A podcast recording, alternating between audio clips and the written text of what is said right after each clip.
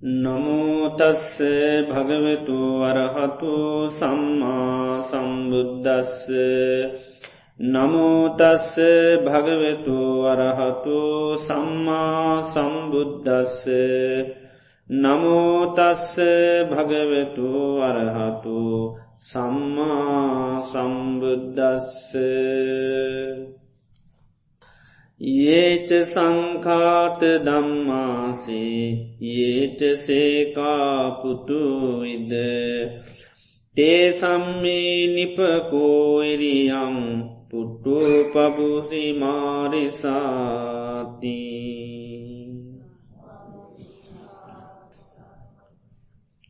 ශ්‍රද්ධාවන්ත පින්නතුනි අදත් මේ සන්ධ්‍යායාමි අපි හැම දෙනාම ලෝතරා බුදුරජාණන් වහන්සේ ඒ දේශනාකපු ධර්මය ශවනය කරන්ට අපි බලාපොරොත්තු වෙනවා.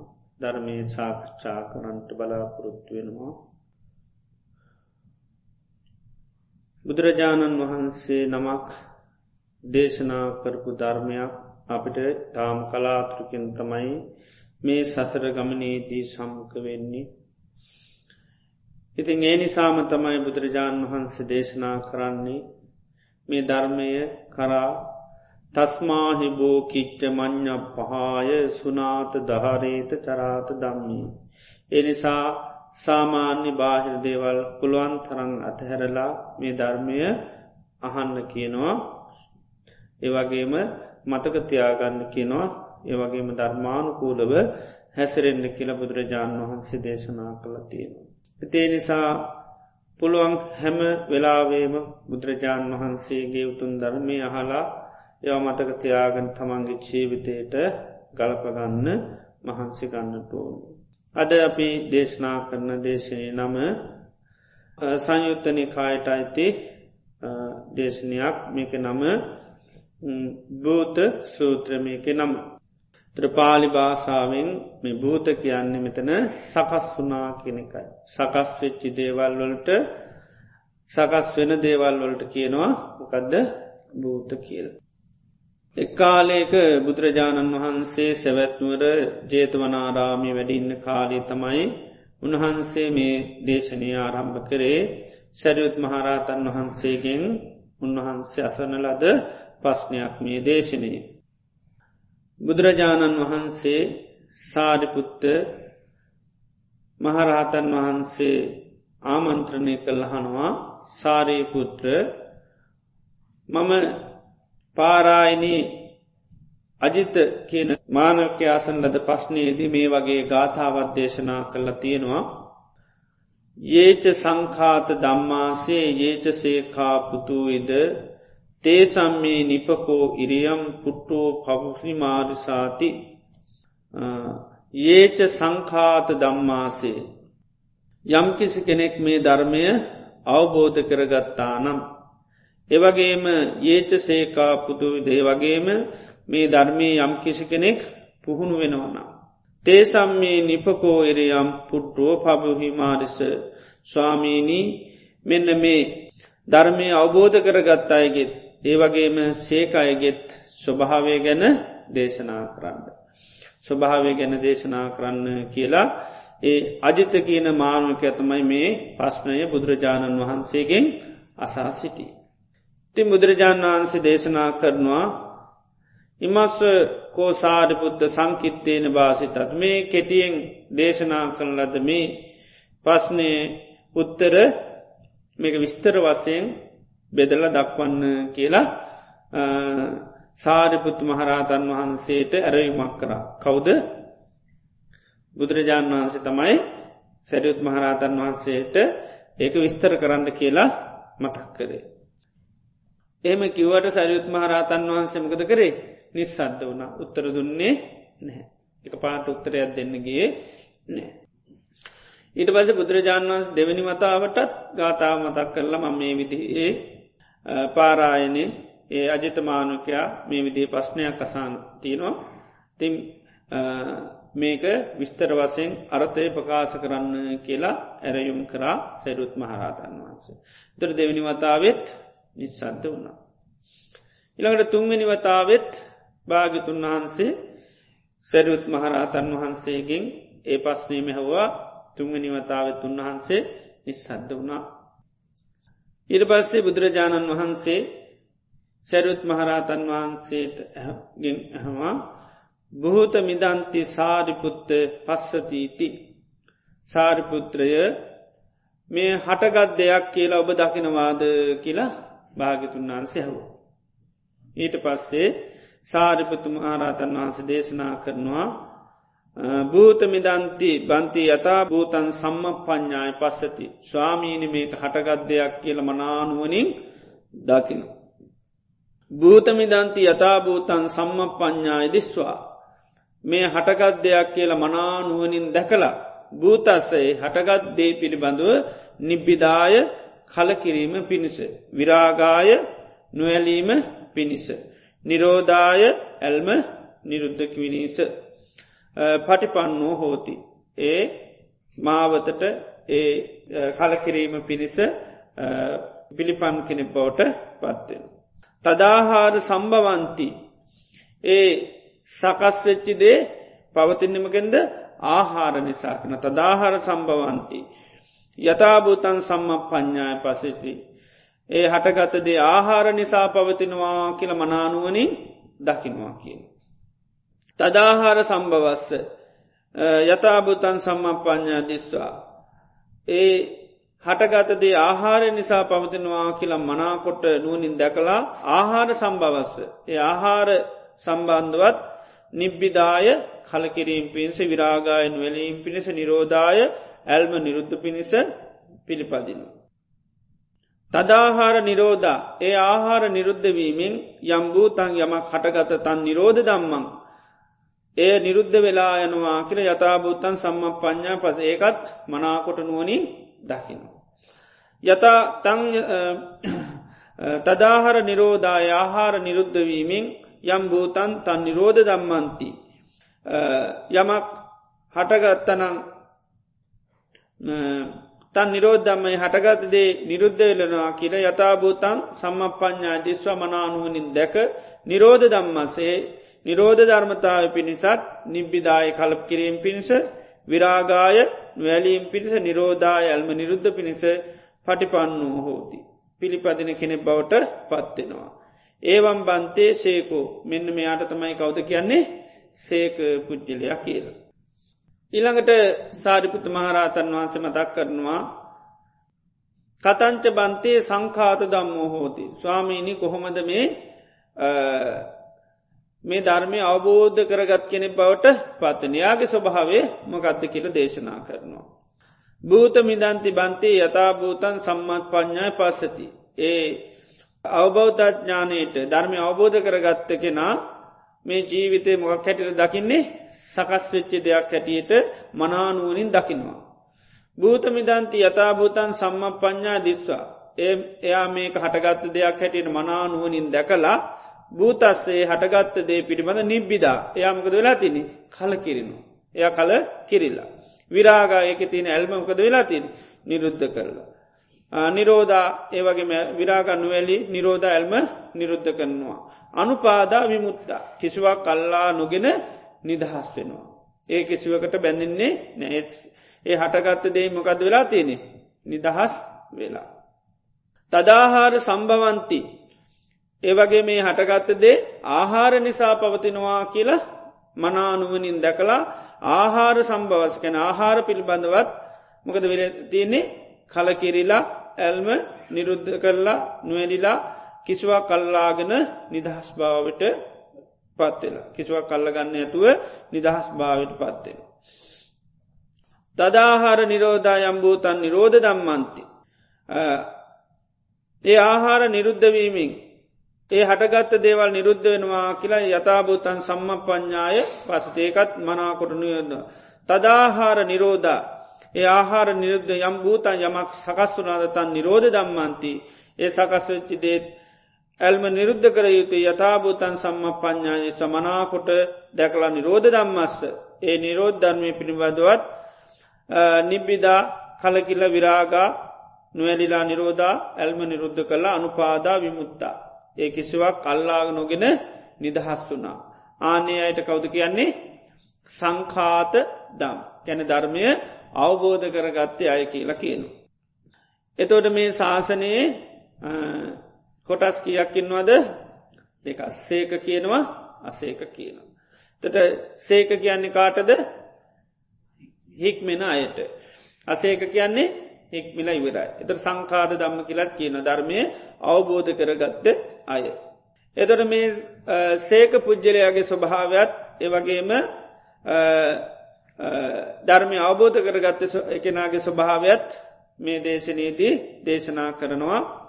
තොර සේක පුද්ජලයාගේ ස්වභාවය තමයි ජීවිතය ගත්තො සකස් වෙච්චි දෙයක් කියලයා අවබෝධ කරගන්න.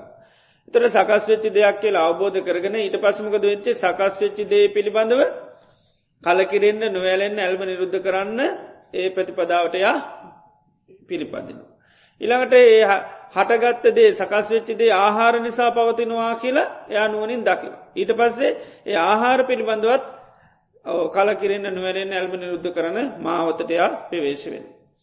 ඊළඟට ආහාර නිරුද්ධවීමෙන් ඒ හටගත්ත ධර්මතාවේ නිරෝධ තත්ත්වයට පත්වෙනවා කියලත් අවබෝධ කරගන්න. ඒළඟට ඒ නිරෝධ ධර්මතාවයටත් ඇල්නුවැලෙන්න ඇල්ම නිරුද්ධ කරන මාවතටයා ප්‍රවේශ වෙන. ඒකට තමයි එයට කිනව කවුද සේක කියලා. ඉළඟට රහතන් වහන්සේලා අසේක උන්වහන්සේලා හික්මිනල ඇත උන්හන්සේලාගේ ස්වභාවේ තමයි උන්හන්සේලත් දන්න ජීවිතය ගැනමකක්ද සකස් වෙච්චි දෙයක් සකස් වෙච්චි දෙයක් කියලා හොඳට අවබෝධ කරගන්න. අවබෝධ කරගන ඒ සකස් වෙච්චි දේ පිළිබඳ උන්වහන්සේලමකද වෙලා තින නිබ්බිදා කලකිරලා උන්වහන්සේලා. ඉළඟට විරාග නොවැලෙනවා ඒ පිළිබඳ කිසිම ඇල්මක් නෑ. නිරෝධාකැන ඇල්ම නිරුද්ධ කරලා. අනුපාදා විමුත්තා. කිසිවක් ග්‍රහණය කරගන්න ඇතු අල්ලන්න ගන්න නැතුව ඒ හටගත්ත ස්වභාවෙන් මොකද වෙලා තියෙන. ආන නිදහස් වෙලා මුත්තියට පත්වෙලා. ඉළඟට උන්වහන්සේලත් මේ සකස් වෙච්චිදේ පවතින්නේ ආහාර නිසා කියලා උන්වහන්සේලත් මනානුවනින් දකින. ඉළඟට ඒ ආහාර පිළිබඳවත් උන්වහන්සලමකද වෙලා තියෙන. අන්න කලකිරි. ආහාර පිළිබඳවත් කලකිරලා නොවැලිලා ඇල්ම නිරුදු කරලා කිසිවක් කල්ලනා ගන්න නැතුව ආහාර වනිමුත්මකද වෙන්නේ අන්න උන්හන්සල නිදහස්වෙන්. ඒවගේම තදාහාර නිරුද්ධයි ආහාර නිරුද්ධවීමෙන් යම්භූතන් යමක් හටගත්තන. ආනේ හටගත්ත දේමකද නිරෝධ දම්මං නිරුද්ධ වෙලා යන දෙයක් හැටියට මනානුවනින් දැකලා සම්මපඥ්ඥය පස්සති මනානුවනින් දකිනවා. තදාහාර නිරෝධා ඒ ආහාර නිරුද්ධ යමක් සකස් වනාද ඒ සකස් වෙච්චිදේ නිරුද්ධ වෙලා යනවා කියලා උන්වහන්සේල මනානුවනින් දැකලා ආනේ නිරෝධ ධර්මතාවයටත්මක දෙන්නේ. අන්න කලකිරිලා නොවැනිලා ඊළඟට කිසිවක් කල්ලගන්න ඇතු ඒ ස්වභාවමුත් උන්වහන්සේලා නිදහස් වෙනවා. ආන්නේ අයට කියන කවුද අසේක කියලගෙන එම නැත්තන් සංඛාත දම් ධර්මය අවබෝධ කරගත්ත අය කියන. එතු රාතන් වහන්සලාගේ ස්වභාවය ඒ උන්වහන්සලා මේ ධර්මය ඒ විදිට අවබෝධ කරගෙන තිය. එතට බුදුරජාණන් වහන්සේ මෙතනදී මේ ජීවිතය කියන්නේ කෙටියෙන් නමකදද භූත ගැන සකස් වනා කියලා. පාලි භාෂාව මේ භූත කියන වචනය ගොඩාක්්‍යවට යොදනු. පෙර කියල කියනකොට කියනවා නිතරම භූත පුබ්බම් භික්්‍යවේ දේවාසුර සංගාම මහන්නේ පෙර දෙවියන් සහ අසුරයන් අතර යුද්ධයක් වුණා. එතට පෙර දෙයක් වුණා කියනකොටත් පාලි භාෂාය යදනමකක්ද භූත කියල. පෙර දේවල් සිද්ධ වෙච්ච වචනය කන භූත කියල. ඊළඟට සතර මහා ධාතුන්ටත් කියනවා භූත කියල. ඒවගේම දෙවියන් බ්‍රහ්මයම් ඒ වගේ සත්ව කොට්ටාසයන්ට කියනවා භූත කියලා යානීද භූතානි සමාගතානික එතනදී එතොට දෙවියම් බ්‍රහ්මය හැමෝම පොදුවේ භූත කියල. ඒවගේම අමනුෂ්‍යයන්ටත් භූත කියලා කියනවා. ප්‍රේත අමනුෂ අයටත් භූත කියනවා. එතර මේ භූත කියන එක ගොඩාක් මේ පාලි භාෂාවේ ගොඩත් තැන්වල යෙදෙනවා. එතර මෙතන භූත කියන්නමකක්ද සකස් වෙච්චි දේවල් වලට භූත කියනවා. යම සකස් වනනේ සකස් වෙච්චි දේවල්මකක්ද භූත. එදෝට අපේ ජීවිතය ගත්තහ බුදුරජාන් වන්ස මෙතන පෙන්න්නමකක්ද සකස් වෙච්චි දෙයක් මේක සකස් වෙච්චි දෙයක්. උන්හන්සේක නැතුම්ම සූත්‍රය පෙන්නෙනවා නායම් භික්කවේ කායෝ තුම්හක මානු මේ කය ඔබගේ නොවේ. න අඥ්ඥේ සං ඒවගේම වෙන කෙනෙකුගෙත් නවේ. පුරාණ විදං කම්ම මේක මොකක්ද පරණ කර්මයක් කියනවා. අභි සංකතම් මේක සකස් වෙච්චිය එකක්. ඊළඟට අභි සංචේතන චේතනාව තුළින් හැදිච්චිය එකක්. වේද හිතන් දට්ට අබම් මේ ජීවිතය විඳ විඳව තමයි දකිින්ටතිය. එදොට මේ ජීවිතය ගැන්න එකයි අර පුරාණ කර්මයක් එතට පුරාණ කර්මයකින් මොකද වෙලා තින්නේ සකස් වෙලා තින් එකයි පුරාණ කම්මං කියන එකයි. අභි සංකතන් කියන එක සකස් වෙච්චිය එකක්. චේතනාව තුළින් හැදිච්ච එකක් කියන මේ ජීවිතය කියන්න. එතට මේ පංචපාදානස්කන්දය ගත්තුත් මොකද පංචපාදානස්කන්දිකැන්. සංකතයක් එක සකස් වෙච්චි දෙයක්. සලායතන ගත්තොත් ඒත් සකස් වෙච්චි දෙයක්. එවිදිරි ජීවිතයේ සෑම දෙයක් මොකක්ද වෙලා තින සකස් වෙච්චි දේවල්. එතොරේ සකස් වෙච්චි දේවල් නිතරම පවතිනමකක් නිසාද. ආහාර නිසා ඒකයි තදාහාර සම්බවන් ඒ හැම දෙයක්ම ආහාරයන්ගෙන් පවතින ඒකයි ඒව පවතින් ආහාරුණ තොට ආහාර තියෙන තාකල්මක දෙන්නේ ආන එක පවතින එතුට සකස් වෙච්චි දේවල් ආහාර දෙනවන ඒ තාකල් පවතින ආහාර නැතිවනොත් මොකද වෙන්නේ? සකස් වෙච්චිදේ නැති වෙලා නිරුද්ධ වෙලයන් ආහාර තියෙන තාකල්මකද වෙන්නේ? අන්න එක පවතිනවා. එතොට ජීවිතේ අපි ගත්තහම හැම දෙයක්ම අපි අවබෝධ කර ගන්නඩෝන සිහපේටෝ ගණ්ඩෝන මක් හැටිද සකස් වෙච්චි දෙයක් ඇටිට. දර කෙනෙ සෝතා පන්න සකදාගාම යනාගාමි ඒ අවස්ථාවල්දී ඒ අයි ජීවිතේ හැම දෙයක් මොකක් හැටි දකින්නේ. සකස් වෙච්ච ඒක එසේක කියල කැනේ හික්මෙන අය අවබෝධ කරගන්න මේ ජීවිතය කියන්නේ සකස් වෙච්චි දෙයක් හැටියට. එයයි පංච උපාදානස්කන්දය ගත්තත් එය දකින එක සකස් වෙච්චි දෙයක් හැටියට. සලාහිතන ගත්තත් ඒක සකස් වෙච්චි දෙයක් හැටියට. බාහිර සලායතන ගත්තා ඒ සකස් වෙච්චි දේවල් හැටියට. ඒදට හැමදේම ඒ අය අවබෝධ කරගන්නවා අන්න සකස් වෙච්චි දේවල් හැටියට. එතරේ සකස් වෙච්චි දේවල් හැටියට අවබෝධ කරගන ඒවගේම ඒවා පවතින හේතුවත් හොඳටම දන්න. ඒවා ආහාර නිසා පවතිනවා කියල දන. ඒකයි. එතර ආහාර නිසා පවතිනවා කියලා හොඳට අවබෝධ කරගන්න ඊට පසමකක්ද කරන්නේ ඒ ආහාර නිරුද්ධ කිරීමට සඳහා තමයි ප්‍රතිපදාවේ යෙදේ. ඒවගේ ආහාර නිරුද්ධවීමතේ සකස් වෙච්චිදේ නිරුද්ධ වෙලා යනවා කියලත් ඒකට්ටට අවබෝධය තියෙනවා. එතවට අපි මේ ජීවිතේ තොට අවබෝධ කර ගණ්ඩෝනි හැම දෙයක්ම සකස් වෙච්චි දේවල් හැටියට අවබෝධ කර ගණ්ඩුව. නමුත් සාමාන්‍ය ලෝකයාට මේව පේනෙමකක් හැටිද. තමන්ගේ දේවල් හැටිට පේෙන් මම මාගේ මට අයිතිය කියල තමයි පේෙන් මේ රූපය ගත්තත් සකස් වනා කියලට තේරෙන මේක මම කියලා මගේ කියලා මට අයිති කියල නිත්‍ය සුක ආත්ම වසයෙන් තමයි පේෙන් ත නිත්‍ය සංඥාව ඉන්නකොට මේක සකස් වෙච්චි දෙයක් හැටිට පේන්නේ නැහැ. එතොට වේදනා ගන ගත්තත්තේමයි සංඥා ගත්තත්තේමයි සංස්කාර ගත්තත්තේමයි විඤ්ඥානය ගත්තත්තේමයි පංචු පාදානස් කන්දේම පේන්නේ අන්න මමේ මාගේ මට අයිතිය කියල. එතර මේ ධර්මය අවබෝධ කරගන්නන්න නිතන සිහ පිටුව ගන්නනුවක් හැටිද මෙවා සකස් වෙච්චි දේවල් හැටියට. ඒවගේම මේ ඇස කණ නාසේ දිව ශරීරයේ මනස ගත්තත් ඒවා නිරන්තරයම සිහතියෙන් ොන්මකක්ද ඕ සකස් වෙච්චි දේවල් ඒවත් මමේ මාගේ මට අයිති කියෙන දැක්මින් බලන්න හොඳ නෑ එවක්කෝම සකස් වෙච්චි දේවල් හැටිට බලන්නවා. ඉළඟට බාහිර රූප සද්ධ ගන්ධරස ස්පර්ශ ඒවත් සකස් වෙච්චි දේවල් හැටිට අවබෝධ කරගන්නවා.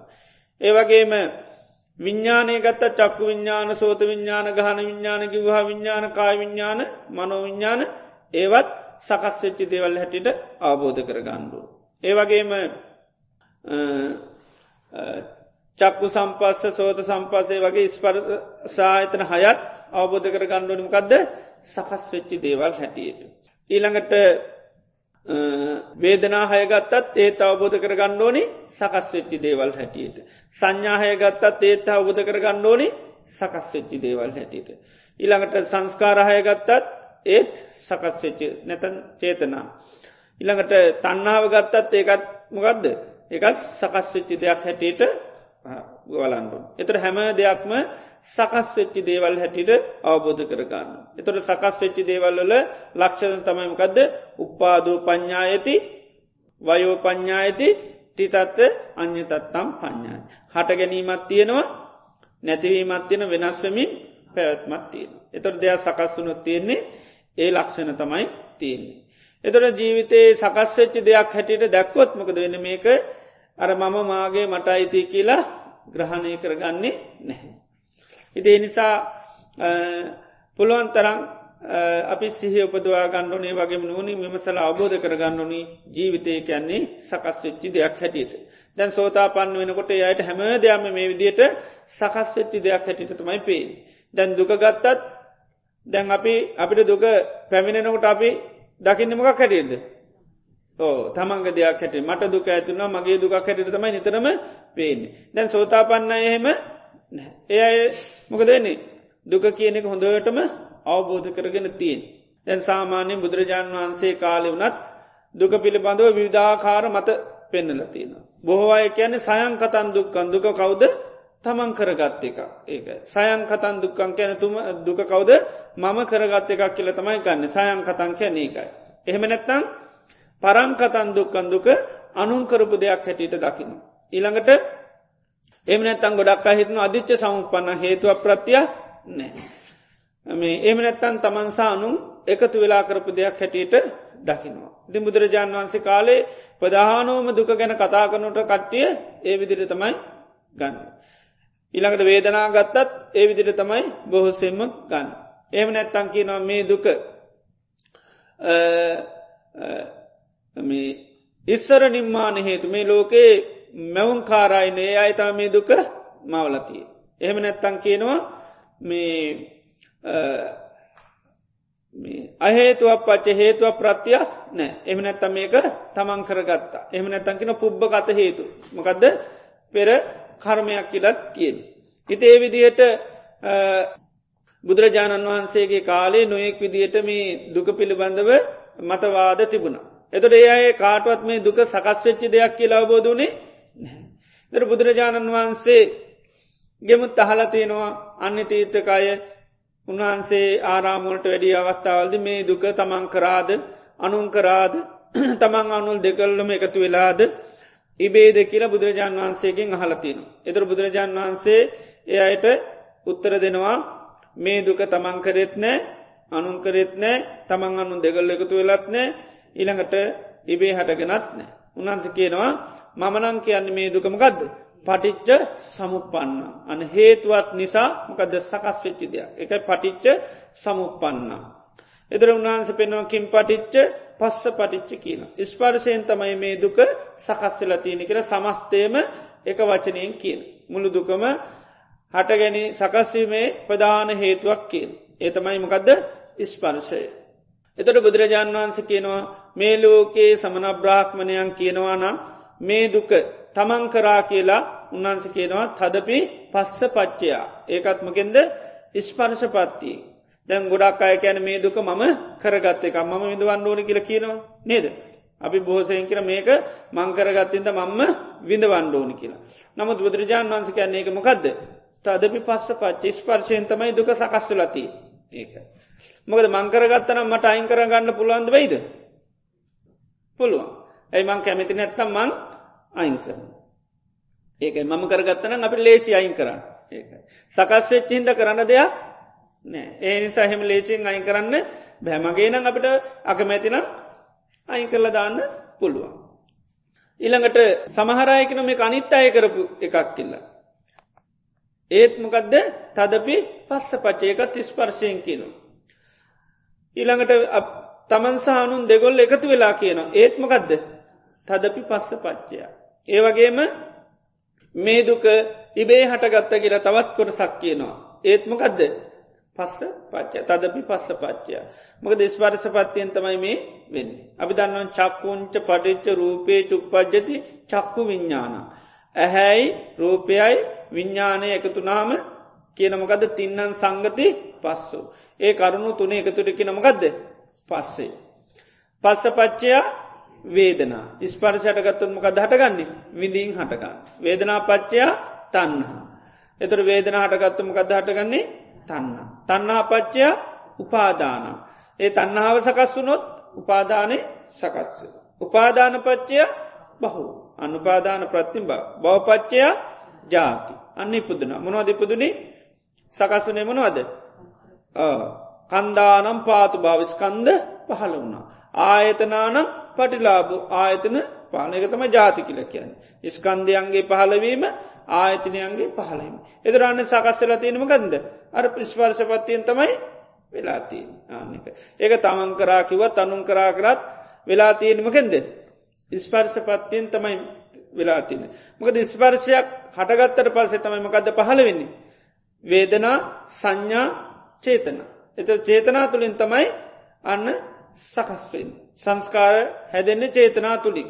එත සංස්කාර තෝරණකටත් කියන්නේ රූපං රූපත්තාය රූපයෙන් රූපයක් හදනවා. වේදනා වේදනත්තා වේදනාව වේදනාවක් හදනවා. සංඥා සංඥත්තා සංඥාවෙන් සංඥාවක් හදන සංස්කාරයෙන් ආය සංස්කාර සකස් වෙන විඤ්ඥානය ආය විඤ්ඥානයක් සකස් වෙනවා. එදර මේ ස්පර්ශ වනාට පස තමයි මේ වේදනා ඉළඟට සංඥාචේතනා ඔය හැම දෙයක්ම සකස් වෙන්නේ මකක් වුණාත් පසේ ඉස්පර්ශය. දැන් කර්මය ගත්තත් එහෙමයි. කර්මයේ නිධානය හැටියට පෙන්න්නනමකක්ද. ඒත් ස්පර්ශය තමයි පෙන්න්න. එතර බොහෝදේ විතර්ක ගත්තත් එම විතර්කය වල හේතුව තමයි ඒත් ස්පර්ශය. ඒ තොට මේ ස්පර්ශවීම තුළ අන්න මේ සකස්වීම සිද්ධ වෙනවා. එතොට බුදුරජාණන් වහන්සේකයි මේ හැම දෙයක් මේකයි සකස් වෙච්චි දෙයක් එතට සකස්වෙලා තියෙනමකින්ද ස්පර්සය තුළින් තමයි සකස්වෙලතිී එතට ස්පර්සය සකස් වෙන්න කොට ආනයව සකස්වෙන්. එතට මේ සකස්වෙච්චි දුක අපි දැම් විඳිනවන ඒ විඳිනකොටත්ම ගත්තිීන් විඳින්නමකෙන්ද ඒත් ස්පර්ශය. අන්‍යස්ත්‍ර ප්‍රච්චයා පටිසංවේදීති නේතන්ටානන් විජ්ජති. ඉස්පර්ශපත්තියෙන් තොරව විඳිනවා කියනක නේතන්ටානම් විජතයක වෙන්නේ නැහැ. එතොට අපි දුක විඳිනවා කියලා විඳිනකොට මම දුක් විඳිනවාකිවට වෙන්නමකින්ද. ඉස්පර්ශපත්තියෙන් තමයි වෙන්නේ. ඉස්පර්ශකොරොත් විඳනවා මිසක්කා වෙනතා මමේ මාගේකින් අයිතියකින් විඳිනවා නේ ඒක ස්පර්ශ නොත් විඳන ස්පර්ශ නොකරොත් විඳින්නේ නැහැ ඒකයි. එතුට සාමාන්‍යින් දුක් විඳනට ඒකයි මම කරගත්ත දේ මම විඳිනවා කියල කිව්වට ඇත්තනම් විඳින්නමකෙන්ද. ස්පර්ශයෙන් තමයි වෙන්න. ඉළඟට අනුන් කරාකිවත් එහෙමයි. අනුන් කරාට විඳින්නේ ස්පර්ශයෙන් කියනවා. තමන් අනුල් දෙගොල්ල එකතු වෙලා කරාකිවත් ඒත් විඳින්නේ ස්පර්ශයෙන්. ඊළඟට ඉබේ හටගත්තකිවත් ඒත් ස්පර්ශයෙන් තමයි විඳින්. ඒකයි හටගත්ත දේ පවතින්න මොකද තියෙන් ඕනි. ආහාර තදාහාර සම්භවන්ති කියන්න ඒකයි. දුක කියන එක හටගත්තත් ඒක පවතින්ට මොකද තියෙන් ඕනි ආහාර තියෙන්න්නු. ආහාර නැත්තන් දුකක් පවතින්නේ ඒකයි දුක පවතින්ඩත් ආහාර අවශ්‍යයි. දැන් රහතන් වහන්සේලා ගත්තහම රහතන් වහන්සේලාට අතීත වසයෙන් දුක් සකස්වෙන් එතර උපදනා උන්වහන්සේලාට කර්ම සකස්වෙල තියෙනවා. ඒ කර්මණි සැහැබැයි උන්වහන්සේලා දුක්කිදිනවාද නැහැ ඇයි අට හටගත්ත දේ පවතින්න ආහාර ආහාර නිරුද්ධයි. ආහාර නිරුද්ධෙන්ද උන්වහන්සේලා දුක්විදිනවා කියල එකක් නැහැ. ආනක උන්වහන්සේලාට දුක්විදින්නේ නැමකද ඒ ආහාර නෑ ඒකයි. එතර හටගත්ත දෙයක් පවතින්න නම් මොකද තියෙන්ඩුන් ආහාර තියෙන්දුවන. එත රාත්වයනකොට මොකදෙන් ආහාර නිරුද්ධ වෙනවා. ආහාර නිරුද්ධනා මේකයි උන්වහන්සේලාට ඒකයි ආය දුකක් විඳිනවා කියන එකක් නැහැ. නමුත් සකස් වෙච්චි දුක තියෙනවද නැද්ද තිය. නමුත් ඒක විඳවන්නේ මොකද අර ඒක පැවැත්මන්න පවතින්න ආහාර නැහැ. ඒකයි. එනි සවන්හන්සලා මානසික වසයෙන් උන්හන්සලා දුක් විදින්න එක උන්හන්සලා දුක් මොකද කළ තියන්නේ. නිරුද්ධ කරලා තියෙන එතර දුක් නිරුද්ධනා කියනමකක්ද. අර ආහාර තමයි නිරුද්ධුන්. ආහාර නිරුද්ධන ගමන් දුක කියන එක නිරුද්ධ වෙලය. උන්හන්සේලාගේ එකයි දුක් නිරුද්ධනා කැන්නේ ඒ ආහාර නිරුද්ධනා. එනිසා දැන් සෝතාපන්නයට ඒකටේ මකදක මේ ස්වභාවේ අවබෝධ කරගෙන තියෙන. ඒකට ජීවිතය වෙන හැම දෙයක්ම දැන් දුක ගත්තොතේ අයි දන්න දුක කියන එකමකක්ද සකස් වෙච්චි දෙයක් කියල අවබෝධ කරගෙන ඉන්නේ. හැබැයි ඒකට්ටිය සමල්ලාට දුක් විඳිනවාද නැද්ද විඳිනවා. ඒකට දුක් විඳන මොකද තාම ආහාර සකස් වෙන කට්ටි. ආහාර සකස් වෙන හින්ද මොකද වෙන්නේ ඒකට දුක් විඳිනවා. ඒකයි. හැබැයි ඒකට්ටිය දන්නවා මේ දුක හේතු හොඳටම දන්න මෙන්න මේ හේතු නිසා මෙන්න මේ ආහාරය නිසා මේක පවතින්න කියල දන්න.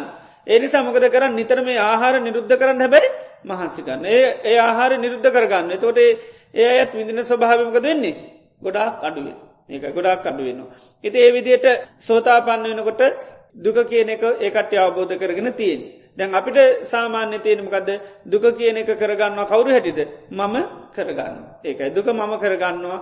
ඒක තමයි සාමාන්‍ය ලෝකයාගේ තියෙන ස්වභාවේ. එතර මේ දුක සකස් වෙච්චි දෙයක් හේතුවන් නිසා පවතිනවා කියන අවබෝධයක් නැහැ.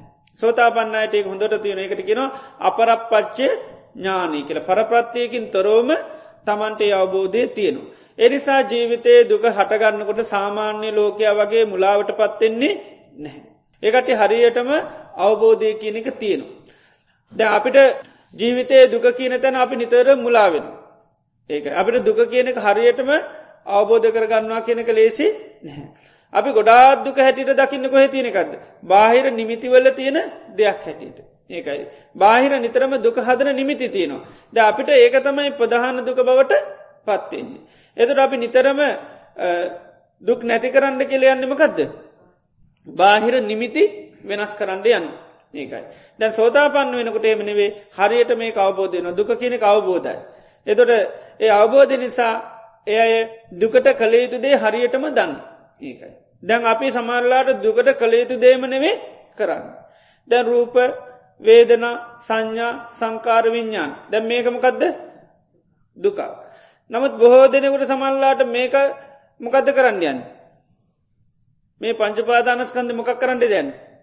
ඒකත් නිරුද්ධ කරන්න සමට බලන්න. ඇයි දුක හින්ද පංචපාදානස්කන්දය දුක හින්ද පංචුපාදානස්කන්දය නිරුද්ධ කරන්නය.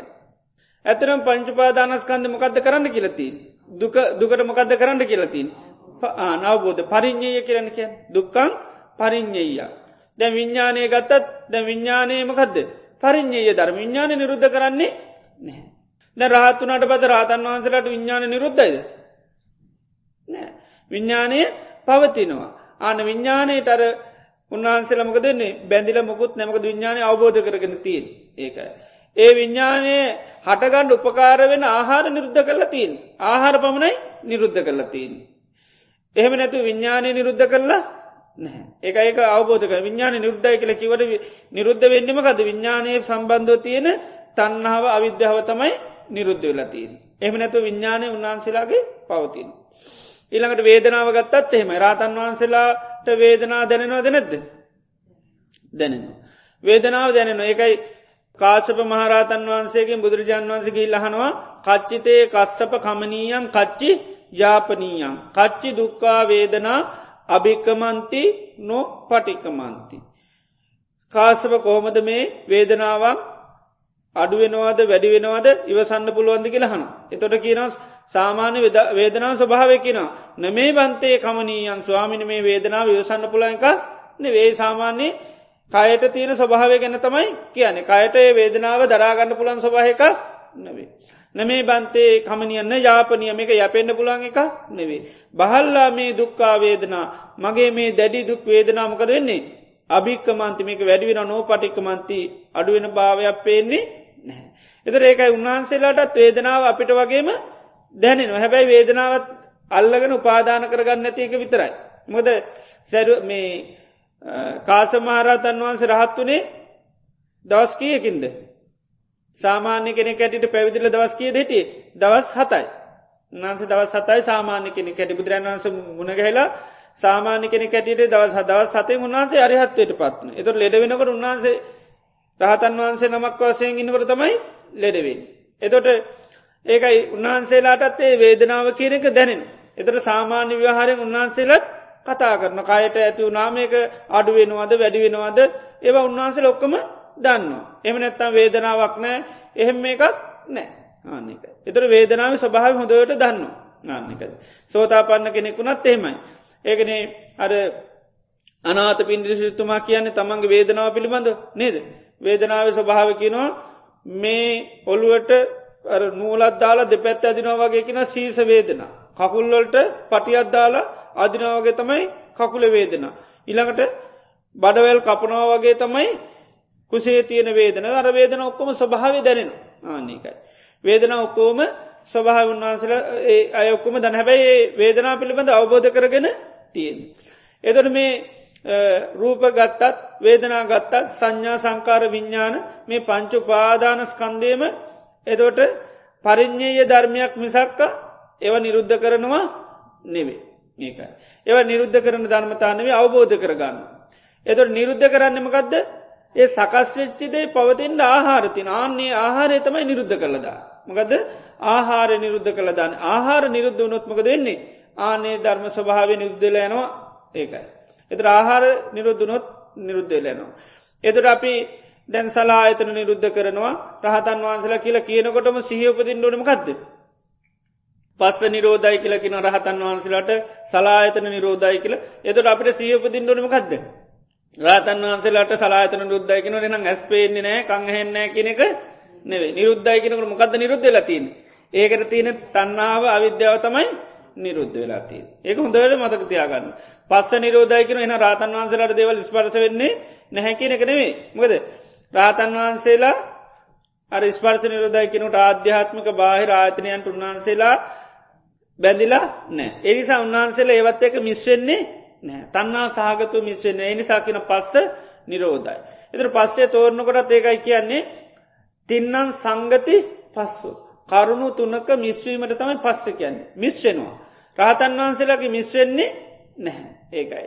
කෙනෝ රාතන් වහන්සේලාට ඒ වේදනා හටගන්නකොට උන්හන්සේලා ස්වභාවඳන නිසාර ඒ අරමුණුත් එක්ක උන්වහන්සේලගේ හිත බැඳිලා මේ වෙලා යන්නේ නෑ. අරකැන්නේ භාගිතුන් වහන්සේටත් ඇත්තියනවා. භාගිතුන් වහන්සේ රූප බලනවා. හැබැයි සුවිමුත්ත චිත්තෝ භග භාගිතුන් වහන්ස කවුද. නිදහස් වෙච්චි කෙනෙ. අන්න උන්හන්සේ ඒවත් එක බැඳිලා මුලා වෙලා යන්නේ නැහැ. එතර අපි හොඳට අවබෝධ කරගන්නඩන එකයි මේ දුක ගත්තොත් එහෙම දුක නැති කරනවා නෙවේ. ඒකයි දුක මොකක්ද කරන්නේ අවබෝධ කරගන්න. එතර බාහිර ලෝක දුකයි කෙනෙවත් මකද කරන්නේ. ඒවත් අවබෝධ කරගන්නවා මිසාක නැති කරන දේවල් නෙවේ. බාහිර ඇති වෙන අපිගේම අපි අපිට නිතරම කෙනෙ බයිනවා නම් අපි දකින එක බාහිරතියන අපිට දුක. වෛරක්කාරය තරහකාරය අපිට ඉන්නවන ඒක බාහිර තියෙන දුක. අපි ඒක දුකක් හැටිට දකිනු. ඇත්තට මේක දුකක් කැන දුක්ක නිමිත්ත. මකදද දුක ඇති කරන ස්වභාවයක් පමණයි. ඒකම නෙවේ දුක ඒක. දුක නිතනම සකස් කරන්නේ කොහෙන්ද. අභ්‍යන්තිරිකෝ සකස් කරන එක. අරක දුක්ක නිමිත්තක් පමණයි. අපි දැන් රහත් වනොත්තේ මෙට බාහිර ලෝකයේ එතර අපිට දුක් කියලක මොකද රහතන් වහන්සට කවුරට බැන්නොත් පස්න ඇද නෑ ආනික. එතර ඒ බාහිර ලෝකයේ ඒ නිමිත්ත රහතන් වහන්සේලා බාරගන්න. එතර බාහිර ලෝකෙ දුකක් කියලෙකත් තියෙනවා. දැන් රහතන් වහන්ස නමකට කවුරරි බයිනකොට එයට දුක කෙට දැරන්න දෙවෙන කෙනෙකුට. එයට දුක අනේ මේ රහතන් වහන්සට බයිනවාන කියල ය දුක් පිඳිනවා. නේද එහෙම වෙන්න නැද්ද වෙන සාමාන්‍ය මනුසයකිටොත් එයට අන්න දුකක් ඒක. එයාට විශාල ප්‍රශ්නයක් ඒක. එයා ගැන කම්පාවෙන්න පුළුවන් දුක්වෙන්න පුළුවන් මැසිලින ගණඩ පුල නොේ දේවල් වෙන්න පුළුවන්. එදර ඇබැ රාතන් වහන්සට කිසි ප්‍රශ්නය නැහැ ඒකයි. එතර බාහිර ලෝක අපි හොඳට අවබෝධ කරගන්න ඕනි ඇත්තරම දුක්ක නිමිති තමයි තියෙන්. එත දුක කියන එක සකස් වෙන්නේ ආහාර තිබුණොත් පමණයි. ආහාර නැත්තන් දුක් සකස් වෙන්නේ නෑ ඒකයි. ඒකයි තදාහාර සම්භවන්තයක ආහාර නිසා පවතින එක. ඒකයි. දුක ගත්තත් ආහාරය තියෙන තාක්කල් තමයි තියෙන්නේ. ආහාර නැතුනම් පස ඒකයි අපි සාමාන්‍ය ව්‍යහාරෙන් කෙන රහතන් වහන්සේලා දුක් නැති කරා කියල කියන. නිරුද්ධ කරා කියලා කියනවා. එද රහතන් වහන්සේලා දුක් නිරුද්ධ කලා කියලා කියනකොට අපි දකිින් ඕනේ දුක් උපදවන ආහාර තමයි නිරුද්ධ කළතින. හේතුව තමයි නිරුද්ධ කළතින්. හේතුව තමයි මේ අවිද්‍යාවත් තන්නහවත්. ඒ නැත්තං සියලුම කෙලෙස් ස්වභාවයක්. ඒකයි රහත් වෙනකොට මොකද කියන්නේ කීනා සව. ආශ්‍රෝමකද කලති නොක්කම ශය කල්ල දාලා. ඒ නිසා තමයි උන්වහන්සේ අන්න දුක් විඳින්නේ නැත්තේ. දුකින් නිදහස් කියලා කියනවා. හැබැයි රාතන් වහන්සේලා කහිටත් දුක කියනක දැන ඒක රාතන් වහන්සලත් ලෙඩ වෙනවා රාතන් වහන්සේලාටත් කර්මිපාක පටිසන්දෙනවද නැද්ද දෙ කරමිපාක තියෙන උන්වහන්සේලාට පටිසන්දෙන. ඒවගේම උන්වහන්සේලාට මිනිස්සු නින්දහ කරනවා අපහස කරනවා කරන්න පුළුවන් ලෝකේ තියන ඔක්කොමටික රාතන් වහන්සේලාටත් මිනිසු කරන. හැබැයි ඒකින්වත් උන්වහන්සල විඳවන්නේ නැහැ.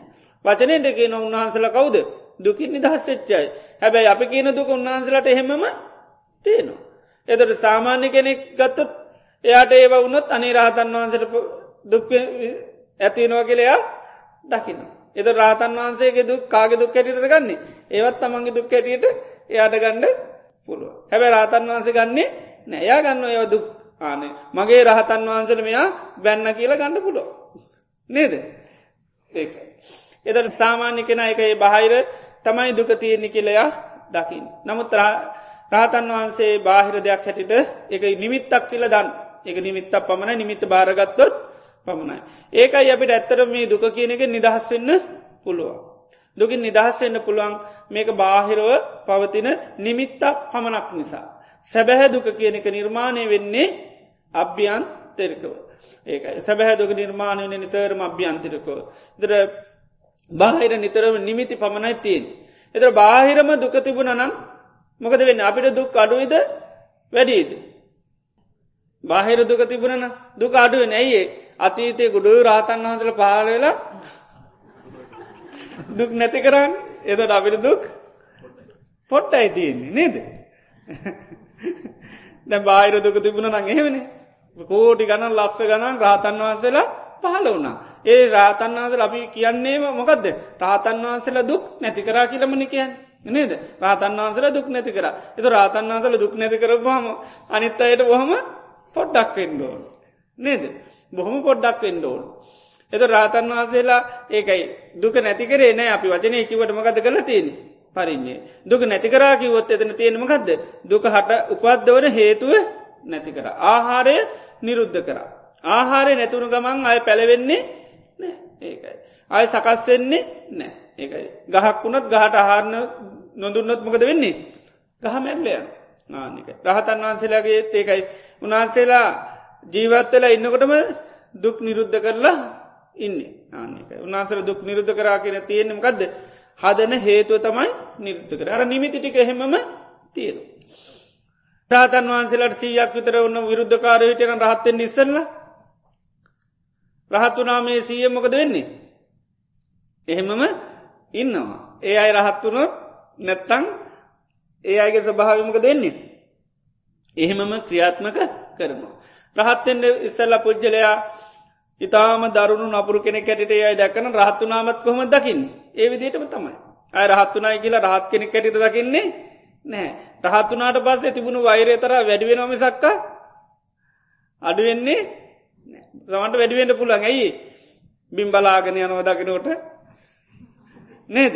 කරබන ඉන්නවා දකිනකොට ඒවටත් කේන්ති යනවා ඊට පස්සේ ඇයි ප්‍රතිචාර නැතිනකොටත් මිනිසුන්ට නේද මේක හොඳට පාටිය තියන පාටි අඩුනාවත් කැමැති නෑ. එදර අර ප්‍රතිචාර අඩුවෙනකොට තැම්පත්ව යනවා එනකොට ඒ හැමතැනදීම සමල්ලාට අරයට කේන්තියන් පුළුව. එකයි මුල්ලවත්තාවේ පහු යනකොට තමට අඩුවෙන්ට පුළුවන් නමුත් මුල් අවදයේද බොහෝදුරට කේන්තිය වැඩිවෙන්ඩ පුළුවන්.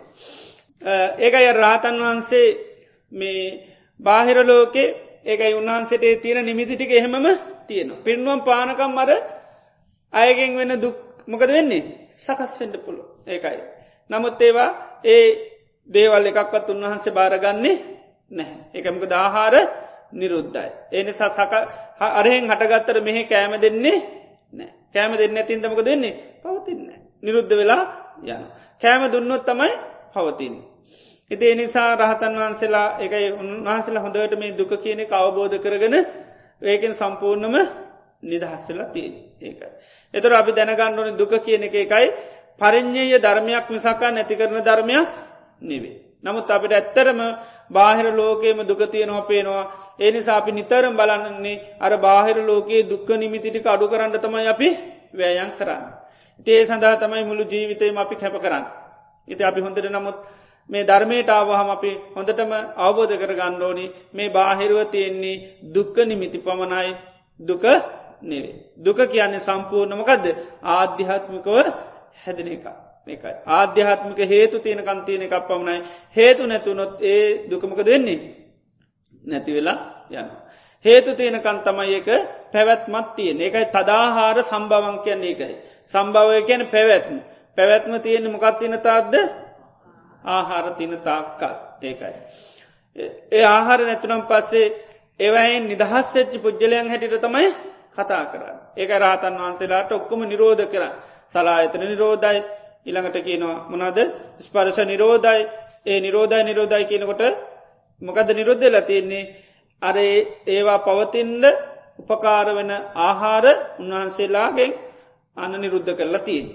ඉති නිසා මේ නිරෝධය කියනකොට අපි හොඳවට දැනගණ්ඩු නැතුව මේ භාවනා කරන යනකොට අපේ මේ පංචුපාදානස්කන්දය නොදනීයන්න අපි භාවනා කරනවා නෙවේ. ඒම නොදනී යන්න භාවනා කරන්න පුළුවන් ඒ භාවනාටම ගත කියන්නේ. අසං්ඥ භාවනා කියලා. මේ අසං්‍ය භාවනා කැනමකද මේවා හඳුනාගන්න තාකල් පශ්නයක් කෙනෙ සමක දෙන්නේ හඳුනා නොගෙනන තත්වට පත් කරගන්න. ඒකටිකෙන අසං්‍ය භාවනා. ඒ අසං්‍ය භාවනා කරා කියලා දුකින් නිදහස් වෙන්නේ තාවකාලිකමකක් දෙන්නේ යටපත් කර ගැනීමක් කරගන්න පුළුවන්. ඉතින් බුදු කෙනෙ පහලවෙන් ඉස්සල බොහෝ අය ඒ තත්වේ කල්පනා කරනවා. මොකද එය හිතනවා ප්‍රධානකත්තමයි හිතන එක පස්්නයක්. මොකදද සිතිවිලි හිතට ගලානන එක පස්්නයක්. එනිසා යාහිතනවා මේ හිතවිලි එන්න ඇත් අමක දෙන්නේ හරිනි. හිතවිලි එන්න ඇත්තම් හරි හිතවිලි එන එකන පස්නේ එහනම්මකද කරන්න ලෝනි. සිතිවිලි නිරුද්ධ කරනවා. කැන හිතවිලි නැති කරන එහෙනම් හිතවිලි නැති කරන්න නිදහස්. දෙවියෙක් ඇවිල්ල බුදුරජන් වන්සට දවසක් කියනවා යතුෝ යතුෝ මනෝනිවාරයේ යම්යං අරමුණුවලින් මේ මනස අයිංකරගත්තනම් හරිම හොඳයි. සබ්බත්වසෝ මනෝනිවාරයේ එනිස හැම්ම අරමුණිකම මනස අයිංකරගත්තන හරිකි. එකන කිසිවන් නොහිතා හිටියන හරිකි ලෙතර බුදුරන් වන්සකිනවා එහෙම හිතන එක එහෙම කරන එක වැරදිකිවා. යමක් සිතීමෙන් අකුසල් වෙනනම් ආන්නේ දේ තමයි අයින් කරන්න. යමක් කල්පනා කිරීමෙන් කුසල් වෙනනම් ඒක ආන්න දියුණු කරන්න. ඒක පුරුදු කරන්න කියන. ඒකන දැන් යෝනිසෝ මනස්කාර අයෝනිස දැන් අයෝනිසෝ මනසකාරය කියන එක විතරයි නොකරන්න යෝනිස මනසකාරමකක්ද කරනවා. ඒක නිරුද්ධ කරන්නේ නෑ ආන්නක.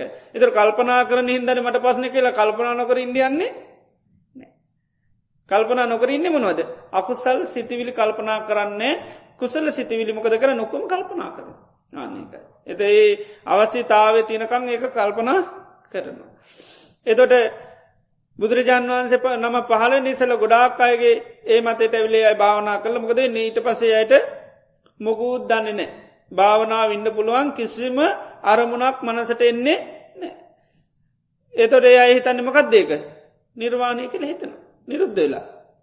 නිරුද්ධ වෙලා තියෙනමකක්ද රූප වේදනා සංඥා සංකා නිරුද්ධයි. ඉති තොට නිර්වාණය කියල තමයි දකිින්. එතොට ඒක ඕන තරන් ඉන්න පුළුවන්. ඒ සමාධීන්න තාකල් කිසිම ප්‍රශ්නයක් නැහැ. හැබැයි ඒක මුත්මකක් දෙන්නේ සංස්කාර. ඒක සකස් වෙනවා. ඊට පස ගී ලොපති නොකහෙද අසං්‍ය ලෝක. ඒක ඉන්න තාක්කල් මොකුත්තේරෙන්නේ ඊට පස් හැබැයි ඒක අවශ්‍යති වනට පස ඔන්න ආයන. එතකට තමයි ඔන්න ආයි දුක කියන කාය මුලින්දලම ඒ විදිහටම තියෙන. ඒ කාරයට පස්නයක් තියනකට නිදි පැතිබොනවා. ඇල්ල හිටියොත් පස්න හිදමකද කරන්නේ.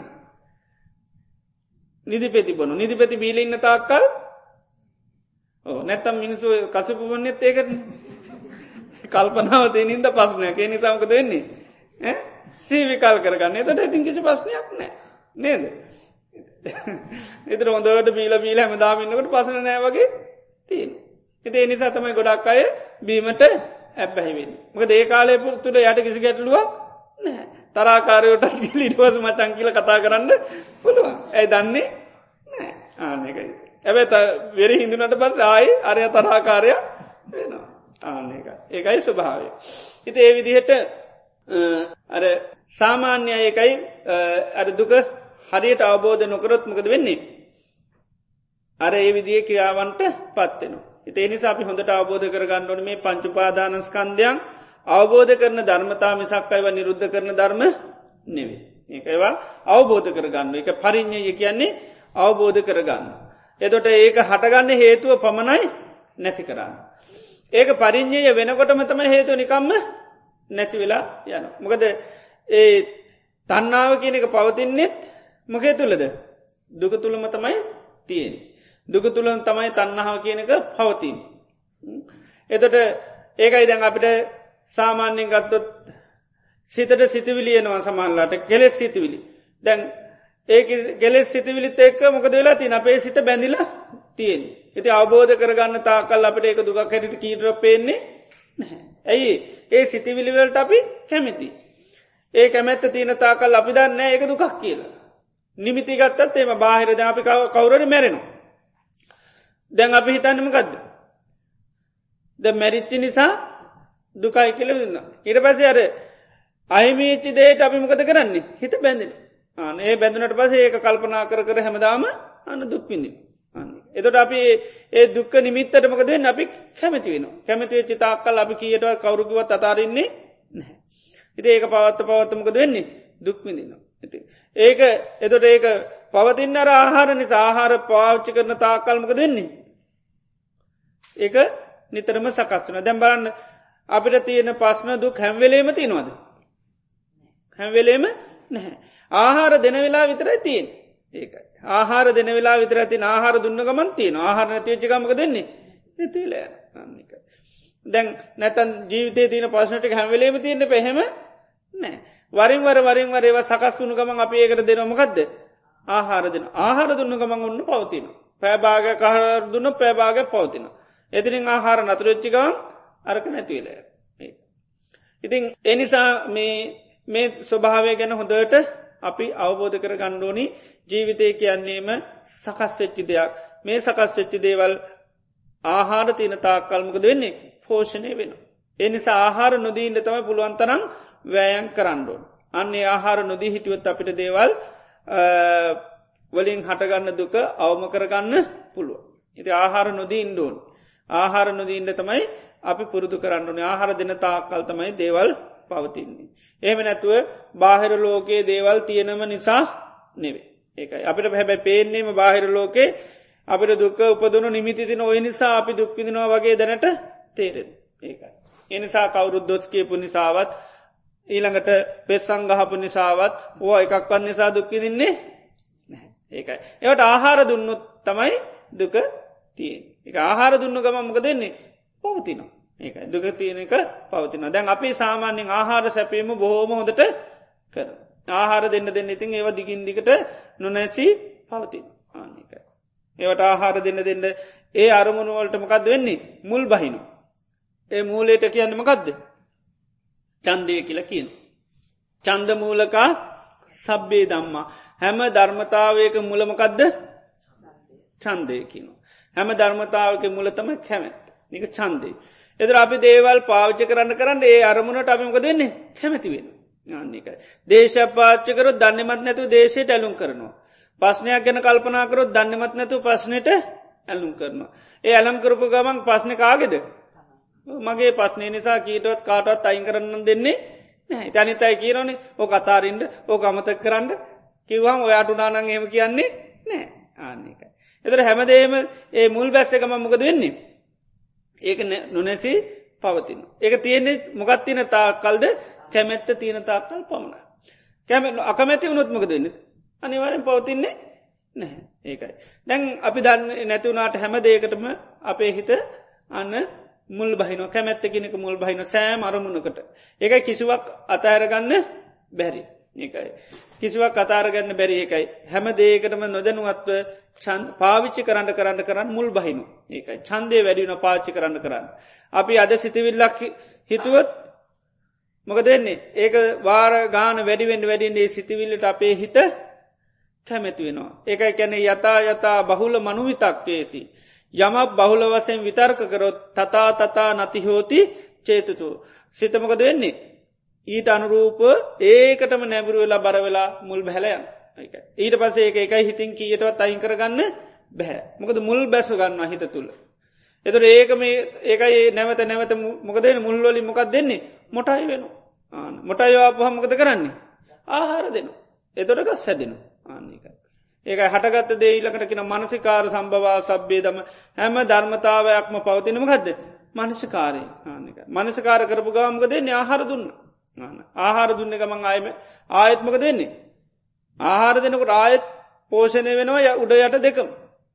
උඩ යට දෙකම ගහ උඩත් පෝෂණය වෙනවා යට මුළුත් බල සම්පන්න වෙනවා. ඒකැන ආයත් අපි මනසකාර කරනවා කෙන ආයත් චන්දය තමයි පෝෂණයවේ ආනික. චන්දය තම ආයත් පෝෂණය වෙන්නේ. හිත ඒ විදියට තමයි සාමාන්‍යයෙන් මේ දුක කියන එක ඒවගේ මේ ජීවිතේ පස්්න කරදර කියන කෝම සකස්වේ දිගින් දිගට යන්න. හිතේ නිසා මේ ආහාර දීම තමයි නත්‍ර කරන්න ඕන් ආහාර නොදුන්නොත් අපිට ඒවා අයින් කරන්න පුළුවන්. ඉතිේ නිසා දෙයක් හටගන්නකොටම අවබෝධ කරගන්නවා මේක සකස් වෙච්චි දෙයක් මේක මට අයිති එක නෙවේ මගේ දේකුත් නෙවේ. දේශය කියන්නේ කාගෙද. සකස් වෙච්චි ස්වභාවයක්. අපි හැබැයි දේශයකාගෙද මගේ. ඒක. හැබැයි වචනයෙන් කියෙන කේන්ති ගියා කියල. තොරනම් හරි. නේද? ගේන්ති ගත්තා නෙමේ ගන්න. මම ගන්නවා නෙවෙනි එතර කේන්ති ගියා කියලා වචන නම් හරි. නේද? කේන්ති ගිය. එකන කේන්තිය සකස් වුණා. ආන්නේකයි ඒ සකස් වෙච්චි කේන්තිය පවත්තන්නමකෙන්ද මනසිකාර ආන්නේකයි ඒකන පටික නිමිත්ත යවුණු සෝමනසකාරය නිසා කේන්ති පවතිනවා කියන්නේ ඒක. එතර බාහිර පටික නිමිත්ත තියනවා. ඊට පසම කත කරන්නේ? අයෝනිසෝ මනසකාරයදන ආන එතුර කේන්තිය සකස් වෙනු හටගත්තක එන්තිය දිගින්දිවට පවතින් නෙත්මකෙන්ද අන්නේ අර මනසිකාරය පවත්තන්න පවත්තා. අර මූල කැමැත්තෙන්ටම හටගන්න. කේන්ති හටගන්න කැමැති කේන්තිගන්න ඒක කේන්ති කියනක ඒකන නිමිතර කැමති. නිමිතර කැමතිුණු ගමක දෙන්නේ ඒගන්න මනසිකාර කරන මනසිකාර කර ගමන්තමයි කේන්ති එන්න නිමිත්තට අකමැති වුණොත් අන්න එන්න ඒක නිමිත්තට අපක අකමැතුනොත් ඒකෙන් මනසිකාර කරන්න එතවට සකස් වෙන්නේ නැහැ. ඉති නිසා ඒ ජීවිතේ ගත්තත් සෑම අරමුණම්ම සිතවිල්ලම්ම අපි දකින්නොත් මෙ සකස් වෙච්චි දේවල් කියලා. මෙම පවතින්නේ නම් හැබැයි ආහාර දුන්නොත් කියල හොඳටම දැනක ආහාර නොදිහිටුවත් ඒවා පවතින්නේ නෑ. ඒ නිසා තමයි නිරුද්ධ කරන්න පුළුව. නිරෝධ දම්මන් කියන එකයි. ඒ ආහාර නිරුද්ධ කරපු දම මේ ස්වභාව නිරුද්ධලා යනවා කියන්නේ එකයි. තදාහාර නිරෝධ එක ඒ ආහාර නිරුද්ධවීමෙන් ඒ සකස් වෙච්චි දේත් නිරුද්ධ වෙලා යන්න. හිත ඒ විදියට අපිට මේක පුරුදු කරන්න පුළන් එනිසා ජීවිතයේ සකස් වෙන කිසිම දේකට මාකකත්දාන්න එපා කවුරු කියලද මම කියලා හෝ මගේ කියලා හෝ මට අයිති කියලා හෝ නිත්‍යය කියලා හෝ සැපයක් කියලා හෝ ආත්මයි කියන ලේබලේ ගහන්න නැතුව මකදද ගහන්නුල් ලේබෙලි? හටගත්ත දෙයක්. ඒලේබෙල් ගහන් සීල්ල එක ගහන පුළුවන් තරමගත්ද හටගත්ත දෙයක්. දැන් සීල් වැදිලාම තියෙන්නේ මම මම මම හැමදේම මම. ඒ සීල් එක දැන් මැකෙන්ඩ අලු සීල් ගහන මොකක්ද මේකත් සංකතයක්. එහනතා මේක භූත. භූතකිවොත් නේද? දන්නවන්නේ භූතේවට අපි කැමැතිම නේ. භූත වැඩ කරන්න එපා. භූතයෙක් වගේ ඉන්ඩ එපා. අප කිය ඒවට කැමිති නෑ. එතට මේවත් ඒකයි. මේක භූත. එතර භූත වුණොත් කැමති හැම දෙයක්ම සකස් වෙච්චි දෙයක් ඇයට සිල්ලයක් ගන්න. පාලියෙන් කැන භූත කියර සකස් වුනා. ඉතේ එවිදි සකස් වෙච්චිදේ විදියට අපි සිල් ගහන්න ගහන්න කිසිවක් කල්ල ගන්න යන්නේ නෑ. සකස් වෙච්චි දේවල් ලබිදන්නවා අයිති නෑ. අයිති නෑ සකස් වනාන. එතට ඒවගේම සකස් වෙච්චිදේ අපි හොඳටම දන්නවා. පවතින්නේ සකස් වෙච්චි දෙයක් සකස් වුනොත් දෙයක් පවත්වන්න නමකත කරන්නඩුන් ආහාර දෙන්නෝ ඒකයි. ප්‍රධාන ආහාරය තමයිමකක්ද මනසිකාර. මනසිකාරය. තමයි ප්‍රධාන ආහාරය. ඒ මනසිකාර කරන්න කරනකොටමක දෙන්නේ ඒක පවතින්. ඒක ඒක පවතිනවා. මනසාර කරන්න ඇත්තම් පවතින්නේ නැහැ. ඒකයි. එති ඒ විදියට අපි හැම දෙයක් පිළිබඳව ඒ සිහිය ඒ අවබෝධය උපදව ගණ්ඩෝනි එතකොට අපිට සේක පුද්ජලයෙක් වෙන්න පුළුව ඒක සේක පුද්ජලයෙක් වෙන්න පුළුවන්. සේක පුද්ජලයාගේ ස්වභාවය තමයිමකක්ද හොඳර සීය තියෙනවා. හැම දෙයක් මොකක්ද සකස් වුනා. ඊනකට යාද සකස් වෙච්චි දේ පිළිබඳ මොකක්ද කරන්නේ? කලකිරීම පිණිස ඇල්මන් නැතිකිරීම නොවැලීම පිණිස ඇල්ම නිරුද්ධ කිරීම පිණිස නිතරමයා මහන්සිකරන්න පටි පන්නිකන්නේ එක ඒ ප්‍රතිපදාවටම යනොයා. ඊළඟට හටගත්ත දේවල් පවතින ආහාර නිසා කියලයා දන්න. හටගත්ත හැම දෙයක්ම පවති එතර ආහාර පිණිසත් යමකද කරන්නේ. කලකිරීම නොවැලීම පිණිස එයා පිළිපදන. ඉළඟට ආහාර නිරුද්ධ වුණොත් ඒ හටගත්ත දේත් නිරුද්ධ වෙලා යන ආනේ නිරුද්ධ වෙලා යන දේ පිළිබඳවත් කලකිරීම නොවැලීම පිණිසයා අන්න පිළිපදින. එයාට තමයි සේක කියන්න. ඉති එනිසාපිට සේක තත්ත්වය කරා අන්න යන්නට පුළුවන් ඒ විදිහට ටික ටික ටික හරි පුරුදු කරෝ. ඉති එනිසා ඒ ස්වභාවේ නිතරම දේවල් හටගන්නකොට හොඳට සිහි කරල බලන්න මේ හටගත් හැම දෙයක්ම සංකතයක් සංකතයක් ඒකයි. ඉතින් ඒ අවබෝධ කරන්න මොකද කරන්න ඕනි නිතරම මනසිකාර කරන්නු. මනස්කාර කරොත් තමයි ඒක පවතින් ඒකත් ආහාර නිසා. එතට සකස් වනා කියලා සීය පවතිරන මොකත කරන්න ඕන? ඒත් මනසිකාර කරන්න. ඒකත් හේතුවක් නිසා. නැත මනසිකාරණකරොත් ඒක අමතක වෙලා ඒ ඒ මනසිකාරයටම ගත කියන්නේ? යෝනිසෝ මනසිකාර. ඒකයි. ඒ ඒකත් ඒක ඒහෙම අපි දේවල් හටගන්නට අපි මනස්කාර කරල බලන මේක සකස් වෙච්චි දෙයක්. පවතින්න මොකක් නිසාද? ආහාර නිසා. ආහාර නිසා. ආහාර නිරුද්ධනත් මේ සකස් වෙච්චි දේමකක් දෙන්නේ නිරුද්ධ වෙලා යනවා කියල දා. ඉති ඒකත්තේ ඒ අවබෝධයක් ඇති කරගන්න තියන්නේ මනසිකාරය තුළ ඒකට කියෙන යෝනිසෝ මනසිකාරය කියල. ඒකයි සෝතා පන්න වෙන්න මොකක්ද දියුණු කරන්න පෙන්නන්නේ අංග දෙක සද්ධන් වන්ස වෙන යෝනිසු මනසිකාර. ඒමකරොත් අන්න සම්මාධිට්්‍ය ඇති වෙනවා සේක පුද්ජිලෙක් වෙන්න පුළුව. හිත ඒ නිසා ඒටික ඒවිදියට පුරුදු කරන්න එනම් අපි ධර්ම සාකච්ඡාවක් පටන්ග. සිහය පිහිටුවා ගැනීමට ගිහි පැවිදි අය පුරුදු පුහුණු කරන පිළිවෙත් වෙනස් බව පොතුපතෙන් අසා ඇත්ත. ඒ අනු ඔබ තුමා පුහුණු කළ ක්‍රමය ගැන අසා දැන ගැනීමට කැමැතිවී. වේවි. එතට දේක තියෙන යතා ස්වභාවේ සේ කල්ල දෙන එකට තම අපි සිහ කිලකය. දේක තියෙන ඇත්ත ස්වභාව. ඒ ඇත්ත ස්වභාවේ විදිහට මතක් කල්ල දෙනවනම් ඒකට කියනෝ සතිය කියල. එතොට දේක තියෙන යථාර්ථය නැතුව අනිත් ඒක තියෙන ආස්වාද වසයෙන් හෝ නිත්‍ය වසයෙන් හෝ මගේ හටයට සී කල දෙනවනම් ඒකට අසතිය කියන. ඒකයි. එතුට ඇත්ත නොවේ සිහි කල්ල දෙන එකට කියෙනවා අසතිය කියලා. සීහිය නිතරම කරන්නේ දේවල්වල තින ස්වභාවය සිහි කල්ල දෙනු. චිරකතාම්පි චිර භාසිතම්පි සරිතා අනුසරිතා කිනවා. පරණ කරපු කියපු දේවල් සී කල්ල දෙන එකතම සිහෙන් කරන්න. සීයේ සාමානයට ගති දෙගත්තිනවා සති ධාරණතා අපිලාපනතා.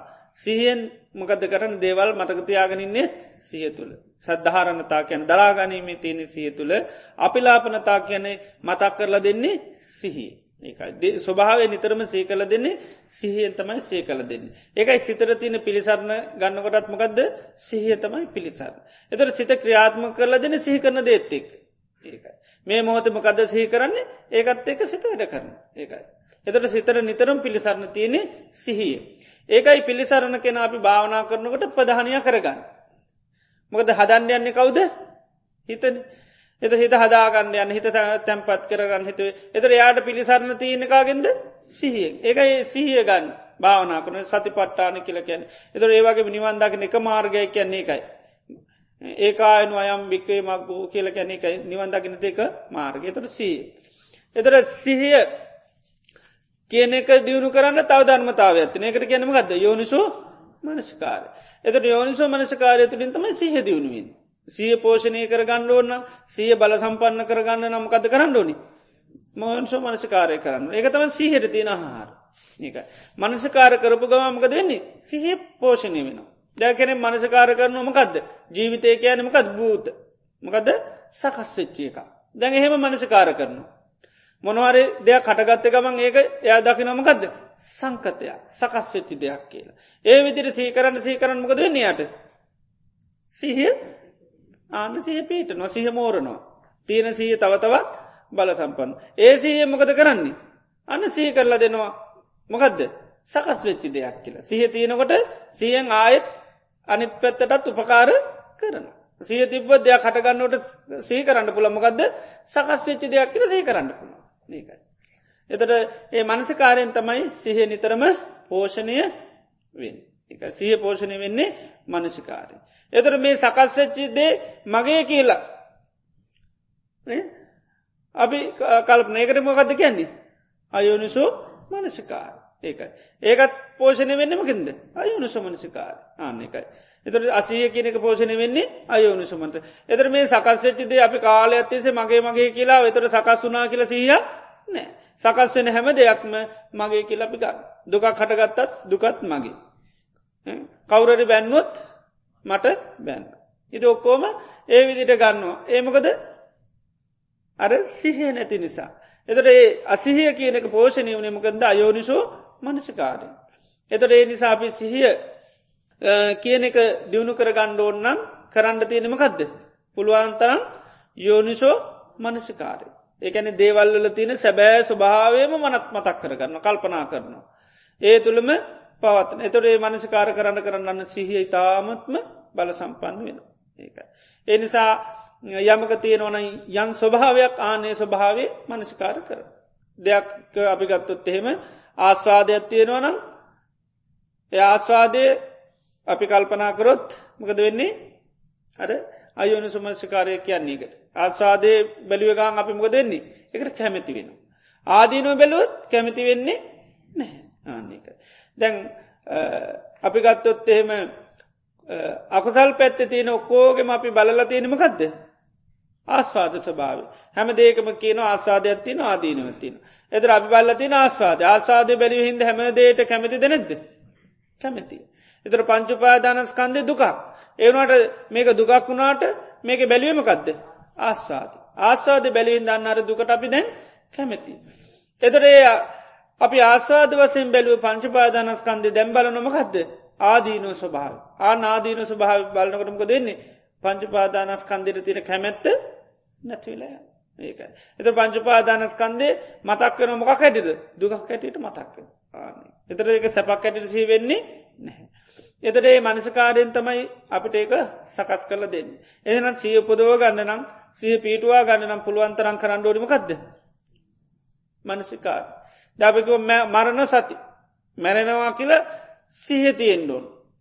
දැන් සමල්ලාට දැම් මේ වෙනකට කීප දෙනෙක් ලෝක මැරලා. හැබැයි මීට පැබාගකට ඉස්සල සියතිපුරද මැත්මා කියලා. මැත්මා කියලා සීඇත්තිබුණේ නෑ. ඒ ඇයි ඒකට සීකරේ ආනික සීකරපු නැතින්ද තව පෑකින් මැරණවා කියල දන්නේ නෑ.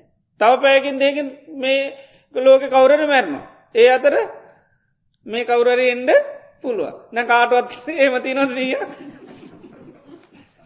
අපි කාටුවත් නෑ. ඇයි? සීකරේ නැතිවුට තැන් මේ දසල සීකර නින්ද සමහරලාට නේද? බැරිවලත් මැරෙන් නැතිවොත්තේම මතක්කන්න සීවෙන පුන අතමගේ අවසාන් දවසන හරින? නේ දන්න සහ පිටනු දැවදේ ඉදල කීපවතා සමට සීකර අද මොකක්ද අවසාන දවස. දැන් අවසාන මොහොතේන එතොට ප්‍රශ්නයක්ද? ඇයි අද අවසාන මොහොත කියලා සී කරලා තිබ නිසා සහ පිටන අවසාන මොහොතද? ඒක එතොට යායට ගැටලුවක් නෑ. එතර ඒ අතාර්ථයන්නේයට අන්න සිහි කරල දෙනවා. එතට ඒ අතාර්ථය දයා මොක දෙන්නේ ඒකට ගැටෙන්න්න ඒක බාර නොගෙන ඉන්න තත්වට පත්වෙන්නේ අන්න එක යා නිතර මේක බාරගන්නවා මකද යායට සිහ තිබුණ නිසා. එනිසා ඒකයි හැමදේම සිහ පීටුව ගන්න නම් කරන්න ඕනු ගදද මනසිකාර. ඒක මනසිකාර කරන්න කරන්න සිහ පීටනවා. ඉති ඕක බලු බහුල වසයෙන් කෙනෙක් පුරුදු කර නිතරම යාට මකද තියන්නේ? මරණ සතිය තියනවා. මැරණවා කියන සියන්තමයා ඉන්න. ඒ මැරණ හින් දමකද වෙන්න? කිසිවක් ගණ්ඩයන්නේ බැන්නත් මොකද එන මං මැරණ කෙනානේ. ඒ නිසා ඒ කල්ලන්න යන්නේ නෑ. නේද? ඉති හැමදේම තොට යා මැරණ හිදමක දෙන්නේ අල්ලන්න ඉන්න කාමර තැම්වලේම හොඳට තියාගෙන නැයේ මැරණොත්තේම අනිත් අය දුක්නිට නොම සුද්දකාන්න බනින්ඩත් පුළුවන්. මන් නිසාකුසල් අරමුණු වැරපු ඇති කර ගන්න පුළන් හිටිය හැටි කාමරය කියල. නේද?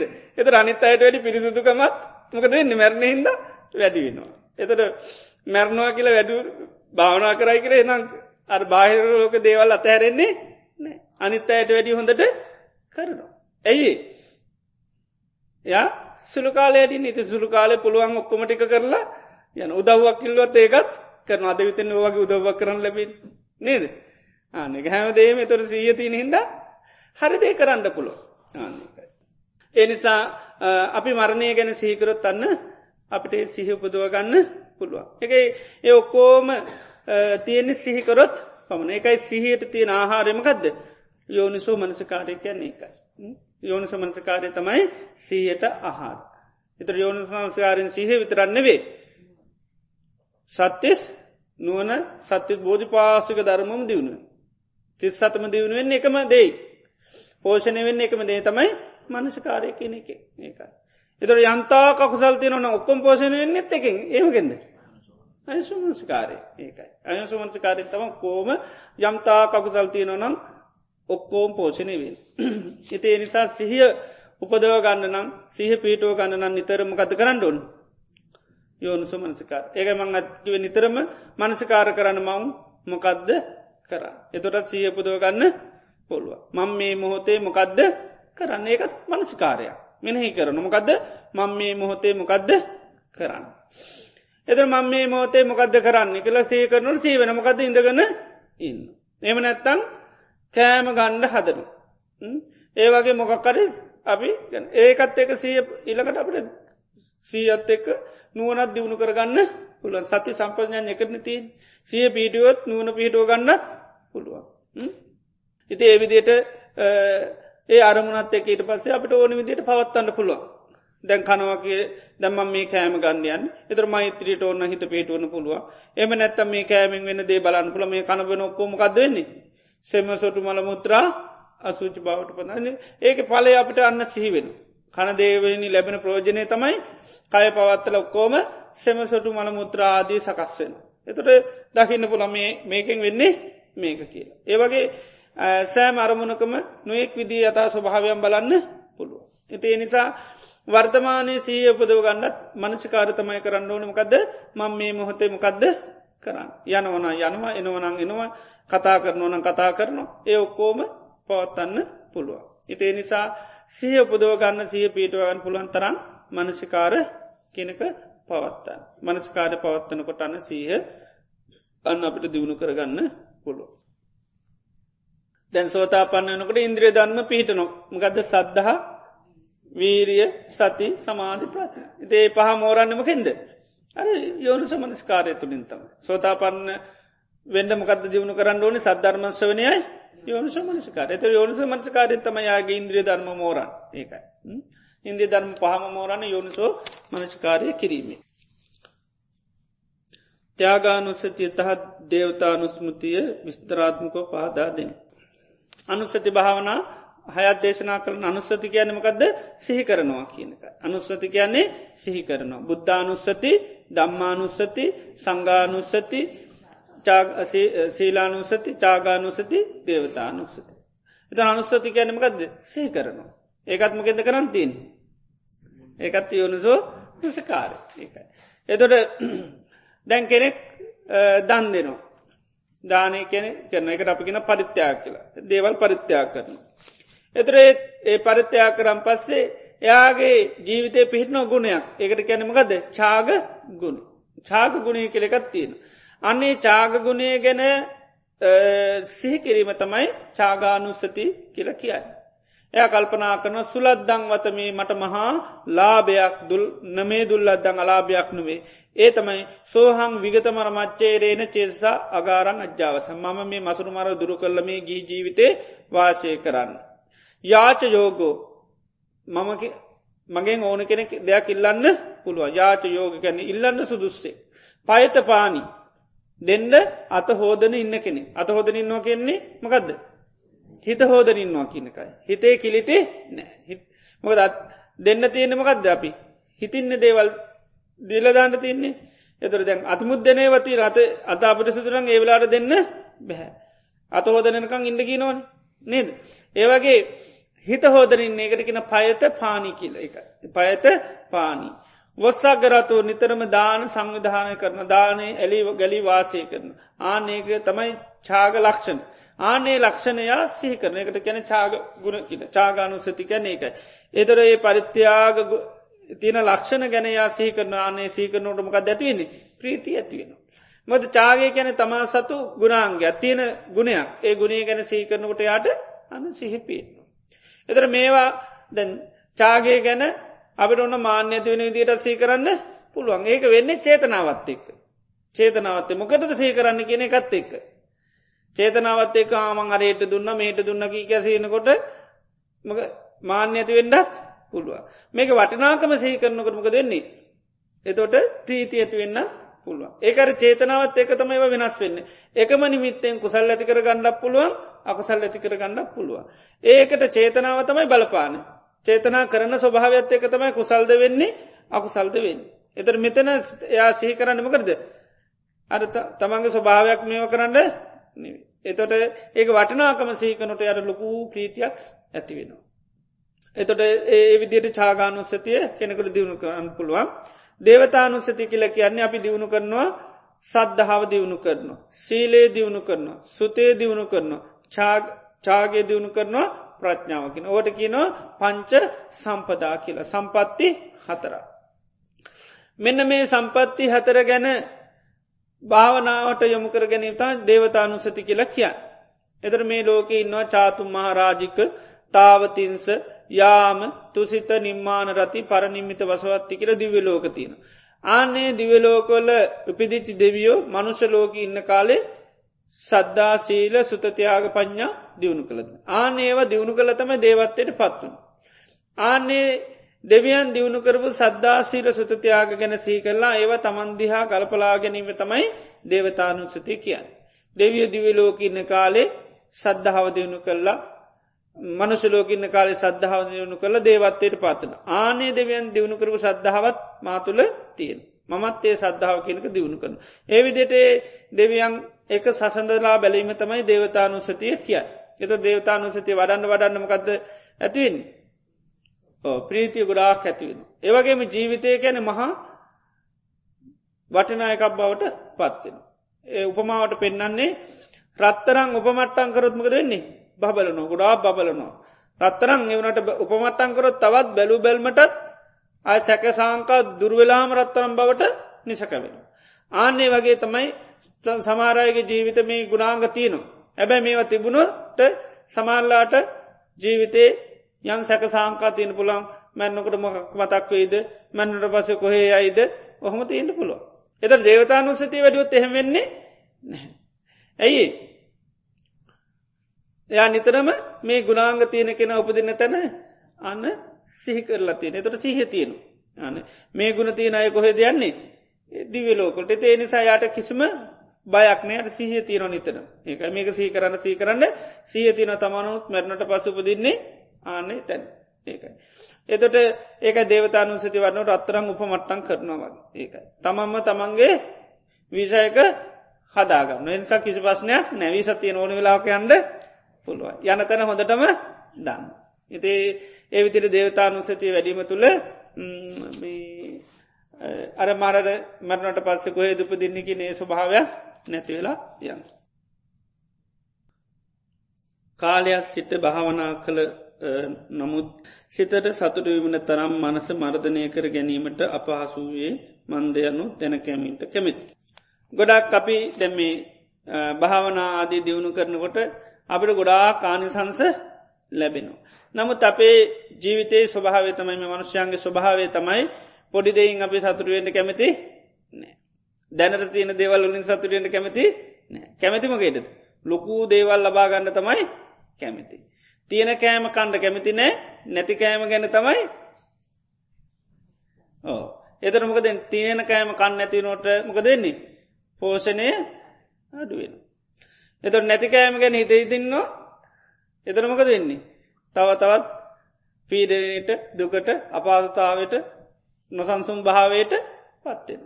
එතේ නිසා භාවනා කරනකොට ඕනගෙනකොට මොනවාරි ආනිසංස තියෙන. ඒකයි. මොද වීරයක් දියුණු කරනනේ ඒ වීරිය දියුණු කිරීම තුළ අනිවාර්යම යට ප්‍රතිඵල තියෙනවා. පින කියන එක අනිවාර්යෙන්ම රැස්වෙනවා. ඉති ඒ නිසා අපිට ගොඩාක් වෙලා තියෙන අපි අර සතුටු වෙන්නේ නැති ගතියක් තියෙනවා.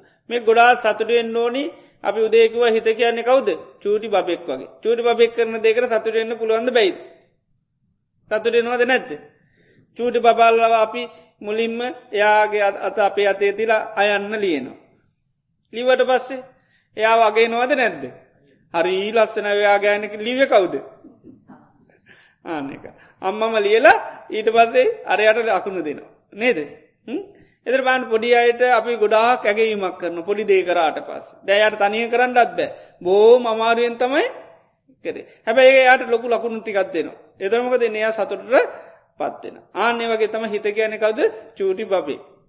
ඉති යා පොඩි දෙයක්කරොත් මොක දෙන්න යට ගොඩාල් ලකුණු දෙන්න ඕන. එතර තමයා සතුට වෙන්නේ. ඊට පසමක දෙන්න ලකුණු වැඩිුවෙන් වැඩියෙන් න්න වැඩේ හොඳට කරනවා. මම කිව මොකද මේ හිත කුසලේට දැන් කැමතිද නැද්ද. කැමැති නෑ එක සකස්වෙච්චි ස්වභාවයක්. සකස්වෙච්චි ස්වභාවමකක්ද කුසලේට කැමැති නැහැ කැමැතිමකේටද අකුත්සලේට. ඉති එනිසා අකමැති දෙයක් කරොත් මොකද වෙන්නේ? අපි වර්ණා කරන්න එපේ. අකමැති දේ අර පුඩ්ඩක් හරි කර. එක හුස්මක් හරි බැලීමකෙන්ද කැමැත්තෙන්න්නේ අකමැත්තේ. ඒ නිසා ඒ කරපු ක්‍රියාවට මොකක්ද කරන්න ඕනි? ලොකු ඇගේීමත් දෙන්න ඕන. භාවනාවට නැගිටින් ඉස්සල ලොකු ඇගේීමත් දෙන්න ඕන. මේ බපා මාර වැඩක්න අද කරේ කියලා. නේද? පොඩ්ඩක්වත් තේරෙන් නැති බවෙක් කොච්චල් ලොකු දෙයක් කරාද පෑභාගයක් ඉඳගෙන හිටිය නේද. ඉතේ ඔක්කම දකිින් ඩොන් ගුණ ගොඩ තියෙනවා. එතට ඒ දකිනකර තම යන්න ලොකු සතුරක් ඇතින්. දැම් බබා කරගන්න කවුද බබා බබා හැටිට යා මම කරගන්න. නේද. එතර මංකරේ නෑ කියල තමයි හිතන්. ඉතිේ නිසා එක ස්වභාව හොදට හඳුන ගන්නුන් හිතේ ස්වභාවයකයි. ඉතිේ නිසා පොඩි දෙයක් කරත් ඒ වගේ නොදරුවෙක් සුළු දෙයක් කරත් අපි ලොකු ආන වටනාකමත් දකිින්ඩෝන් ඒ වටනාකම දකිනකොටමක දෙන්නේ. අන වටනාකන් දකිනට යා තව තව කරනවා ඒකයි පොඩි අය ලව ඊට පස අපි ඒකයි ඉතින් කරන හැම දෙකට මුළු පිටුවේ පුරාවට ලොකු හරි අද්දාන. අ බෝල බෝල අන්දේවටත් මොකද කරන්නේ ලොකු හරි අද්දාන.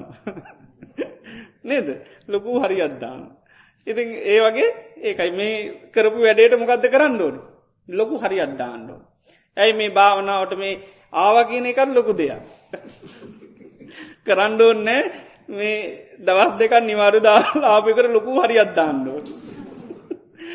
නේද ඒවගේ හැම දේටම හරි දාන්නඩොන් ආන එතොර තමයි හරි ලැබෙනකොටමකද වෙන්නේ ආන්න එතොට ටික ටික කැමති. අපි මොකද කරන්න අට දොම් නස ඇති දොන්න ඇසේ ඇතියනකටම දෙන්නේ බා හිත දියුණු කරගන්න බැහැ. මැසිවිලි නැගිල් අපේ හිත හරියට තියෙන. හැමෝම අපි කතාකරොත් කියන්න අයෝ තාමත් මගේ හිත නම්මට සංගර කරගන්න බැහැ. කියන්න ඕනිමකද මගේ චූටි බබා තාම නේද? මෙයා බබෙත් මේ බානන් තාම ඉතින් එන ගතියන්නම් පේන්නේ නෑ. එතර සෑහන්ට පුළුවන් බානේ ඉති බාය කෝමත්ති මීට තමයි හැදෙන්නේ. එම නැත්තම් මේ අරක තාම නියර යන්නේ නෑ. ආනක ඉති හරකහින්ද උර සමාව දෙනවා. නේද කාලයට ඉට දෙනවා ආන්නේ වගේ. ඉදේ වගේ අපි මනසින් සිතල හෙම දේවල් පාවිච්චි කරන්නඩෝඩ ඒකයි. ඒ පාච්චි කරනට අපිට අනඒක ඒවා ඔක්කොම එහෙම සීකර සහ පේටු. හිතේ ස්වභාව පිළිබඳු සියපිට නැතන් සිත අප නිතරම සීවෙන්න මගේ මගේන හිත එතොට තම මේ දුම්න්නස වැඩි මේක සංකතයක් කියලා තේරෙන්නෙම නෑ. සකත්්‍යච්ච ස්වභාවයට ක්‍රියාත්මක වනවා කියලා අපිට තේරෙන්නේ නැහැ. සංසාරය සකස්වලා තියෙන කොහෙද හිත ලැගුන් ගන්න. අතීත අරමුණු තුර පජිංචවෙලා ඉඳලා පුරුදු. ඒ ඒ සකස්වීමට තමයි කොයි වෙලෙත් දුවන් ආනිකයි. පුරුද්ධට යන. අයිතිනන් වලක්කන්න තිබුණ අයිති නැතිහිද වලක්කන්න විදිහ නැහැ ඉතේකයි. ඒ ඒ ඒ නිසා හොඳට මේ පොඩි දෙයක් කරත් ඒක හොඳට වටිනාකම දකිින්ඩෝ. ආනේ දකිනකට තමයි වටනාකම පොඩ්ඩ පොඩ්ඩ පොඩ්ඩ හුරුවෙනකට මනස භාවනාවට නිකම්ම කැමති විලේන ආන.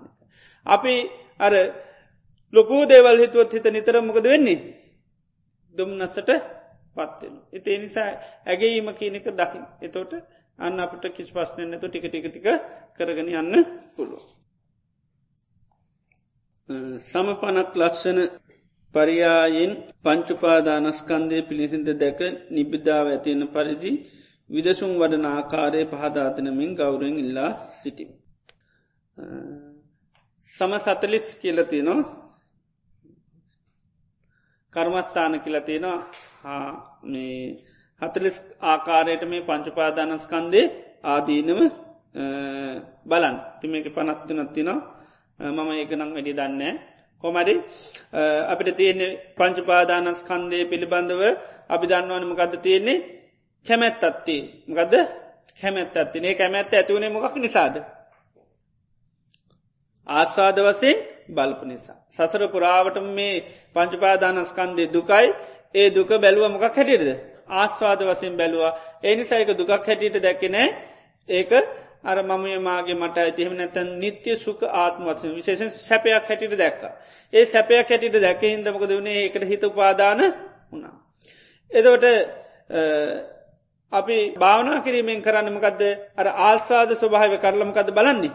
ආදීන ස්වභාවයන් බලන. එතර ආදීන බලන්න බුදුරන් වන්සේ ගොඩක් එකොළො සාකාරකට පෙන්න්නන ඒ තමයි අනිච්චතු දුක්කතු රෝගතු ගණ්ඩතු සල්ලතු අගතු ආබාධතු පරතු අරෝගතු සුං්ඥතු අනත්තතු කියලා එවිදිට එකොළ සාකාරයක් පෙන්වා ඉළඟට තවත් නොයේ කුපමා අනුසාරයෙන් මේක ආදීනු බලන්න උගන්න වෙනත් දේශනාවල වෙන පසුකාලීනුව ගොඩක් දේවල්වල පෙන්නෙනවා.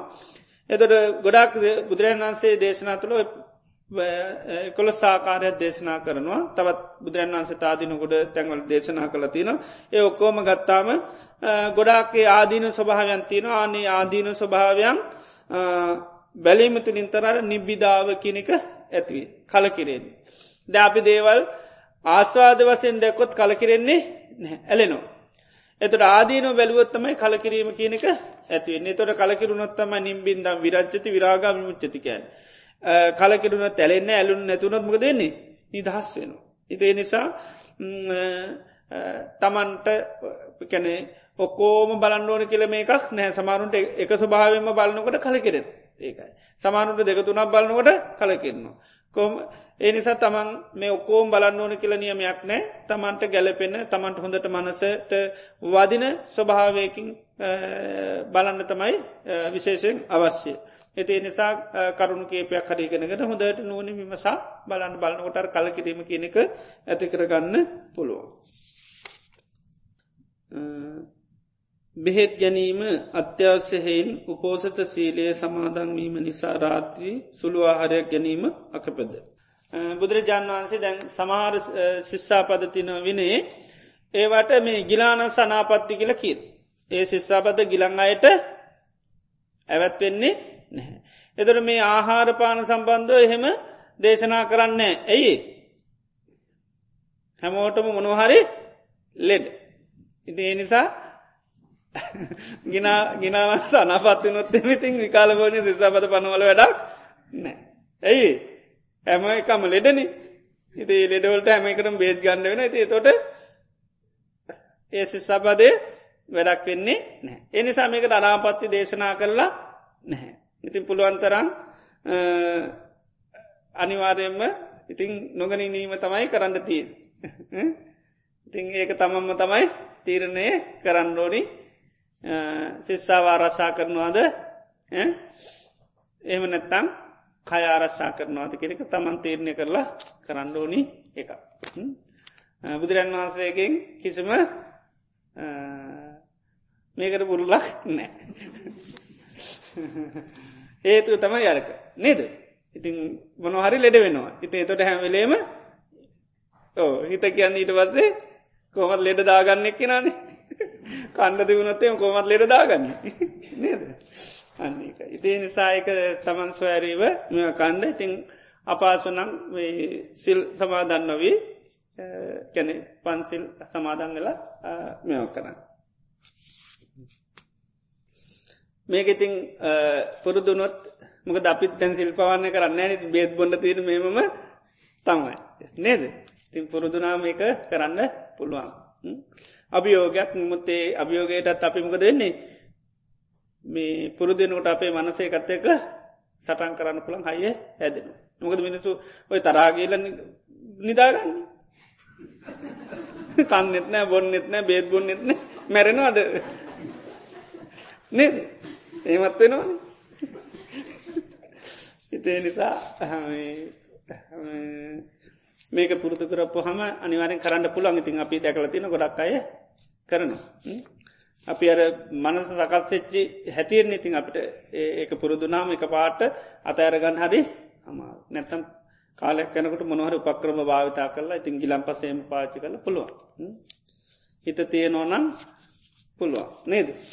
පතකුඩාදකි නොනේ ඒ වගේ.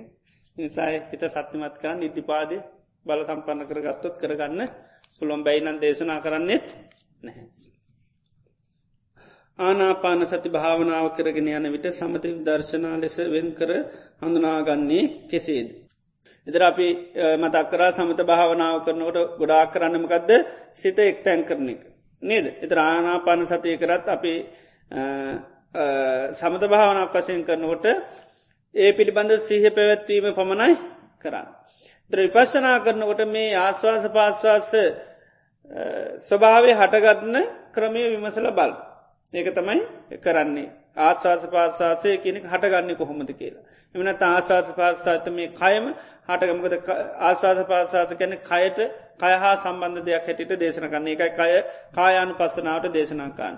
එතට අපි කායානු පස්සනා කරනකට පසනා වසයෙන් කරනකට සමුදය වය වසයෙන් බලන ඒ කය හට ගැනීම සහ නැතිවීම. දර කය හටගන්නේ ආහාර හට ගැනීමෙන් හටගන්නවා ආහාර නැතිවීමේ නැතින. මේ ආස්වාද පාසවත ගත්තත් ස්පර්ශ හටගත්තොත් හටගන්න ස්පර්ශ නැතිවීමේ නැතිවෙලා. එතේ විදියට විපසනා කරනකොට මේ කරන්නේ ඒ හටගත්ත සිහ පීටුවගත්ත ධර්මතාව හටගත්ත මොකෙන්ද කියලා බලන්න එක තමයි කර නිස්සල සිහ පීටුවගන්න සිය පීටුවගෙන මේ සීය පීටුව ගත්ත දේ මොකක් නිසාද පවතින්නේ කියලා බලන එක තමයි විපස්සනා කිරීමෙන් කරන්න. වර්තමානයේ සිත පවත්වා ගැනීමෙන් නිවම් මාර්ගය ලබා ගැනීම පොකාර වන අන්දම පාදාදෙන්. අපි අර ඉස්සල්ල කතාකට සීහ හරියට පැවතුනොත් ඒ ඒ මෝතේ හටගන්න ධර්මතාවල ස්වභාව අපිට හොඳට තේරුම් ගන්න පුළුවන්. එත යථාර්ථය දැනගත්ත ගමන් ඒ කිසිවක් මොකද කරන්නේ. හිත බැඳෙන්නේ නෑ ඒව ඔස්ස කර්ම සකස්වීම අඩු කරගන්න පුළුවන් ඒකයි. ඉතේ තොට කර්ම විශේෂෙන් භවය සකස්වෙන්න ඇත්තමක දෙන්නේ. ආන ජාති කෙනෙක සකස් වෙන්නේ නැහැ. තේ සාමාන්‍ය ස්වභාව තමයි මේ අපි සලායතනයන් ක්‍රියාත්ම කරනකොට ඒ සලායතන තුළින් පංචපාදානස් කන්දය සකස්වීමක් වෙන උපචේ අංගච්චති කියලා කෙන උපචය ගැන සකස් වෙනවා. එතොට සිහිය එහෙම දියුණු කරත්තේ වර්තමානය හිටියොත් සිහිය තුළ අපට සකස් කිරීම එන්නෙන්ට අවම කරගන්න පුළුවන්. විස්සල්ලාම අකුසල් සංස්කාර සකස් කරන එක අඩු කරගන්න පුළුව. ඊට පස්ස තමයි අනෙකුත් භවය සකස් වෙන හැම දෙයක්ම අපිට අයින් කරගන්න පුළුවන්. සක්මම් භාවනාව දර්ශනාවට නැගිය හැකිද එසේ නම් විස්තර කර දෙෙන්. ත්‍රමේ සක්මම් භාවනා කියලා අපි කියනකොට අපිට දැන් සක්මම් භාවනා කියනකොට එකයි මතා කරනයමකක්ද ඉරියව්වල සිත පවත්වන එකයි. තමයි අපි සක්මම් භාවනා හැටිට තේරුම් කරන ඇතරම සක්මම් භාවනාව කැන ඉරියව්වතු තුළ සිත පැත්වීම පමණක් නොවේ එක එකක්.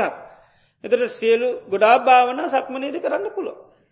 අපි කියමු අට්ටික සංඥාවටනවා නම් ඒ අටික සංඥාව අපිට සක්මන් කරනකොටත් වඩන්න පුළුවන්. අපි විදර්ශනා භාවනා කරනවා නම් ඒ විදර්ශනා භාවනාව ඉඳගෙන ඉන්නකොට කරන්න පුළන් සක්මනීද ගිහිල්ලත් කරන්න පුළන් ඇවිදිනකොට කරන්නත් පුළුව. ඒක ඒද සත්‍රීරියාවේම කරන්න පුළ එතනම සක්මන් භාවනා කරනවා කියනකොට මේ ඉරියාව තුළම සිත පවත්වන එක විතරක් නෙවේ. ඒක එක සක්මම් භාවනාවක් පමණයි. දපයට සක්මම් භාවනාව කියනකොට සාමාන්‍යයෙන් අපට හිතෙන්නේ මේ ඉරියාව පවත්වන එක තමයි සක්මං කරනවා කිය ඒකයි. සක්මන කියන ඇවිදිනවා කියන එක සාමාන්‍ය පාලින් ගැන සක්මන කියන්නේ ඇවිදිනවා කියනතට අපි භාවන ඉරියව් දෙකක් බොහොසේම පාච්චි කරන එකත් තමයි ඉඳගෙන ඉන්න ඉරියාව අනිත් එක තමයි ඇවිදින ඉරියාව. ඒ දෙකෙන්තා මේ සිත වඩන්න පුරුදු කරන්න. එතර ඉඳගෙන ඉන්න ඉරියාවවෙත් අපි භාවනා ඕනේ ගොඩ ඔක්කොම කරන්න පුළුවන්. එතට හිටගෙන ඉන්න ඉරියාවේ සමහර එකක් දෙකත්තම අමාරු අනත් ඔක්කොම් වගේ කරන්න ඒකයි ගොඩක් ඒවා ඉඳගෙන ඉන්නකොට කරන්න පුළ සමාධී දියුණු කරන්න පුළ විපශනාව දියුණු කරන්න පුළුව. ඇවිදිනකොට සමාධියත් දියුණු කරොත් ඒකමගද චිරට්ටිතිකයි කියන. ඒක හරි බල සම්පන්නයි ඇවිදිනකොට සමාධයක් ඇති කරගත්තු තිනගන්නත සමාධයට වැඩි. ඉතිේ නිසා මේ සමතය පස්සනා දෙකම සතර ඉරියව්වේම කරන්න පුළුව. හැබැයි අනිතිරියව් අපි බහුල වසයෙන් භාවනාට යොදාගන්නේ නැහැ නිදාගෙන ඉරියව්ව භාවනා කරනකොට ඒක පාච්චි කරන්න ඇයි නින්දට බර වෙන හින්දා. එනිසා ඒක නිදාගන්න වෙලාවේ නින්දට යන වෙලාවේ නින්දයනකං ඒක භාවිතා කරට අපි හිත දියුණු කරන්න මේ ඉරියාවක් හැටියට ඉඳගෙන ඉරියාව භාවනට ගන්නේ නෑ. ඒ අවස්ථානු කළ දෙෙක් නම් එයාට ප්‍රශ්නයක් නැහැ. නැත්තං අනිත ඒ ඒරියාව පාචි ගන්න එත ඉරියාව දෙකත්තමයි බහුල වසයෙන් ගන්නමකක්ද ඉඳගෙන ඉන්න එකයි ඇවිදින එක. හිටගෙන ඉන්න එකත් පාවිච්චි කරනවා නින්දක් වගේ එනවන හිටගෙන භාවනා කරන්න පුළුවන්. මොකද වැටේ කියන බයහින්ද එතර මොක දෙන්නේ. ඒ වීරියෙන් නින්දට එන්ඩ තියන ඉඩකඩ අඩ.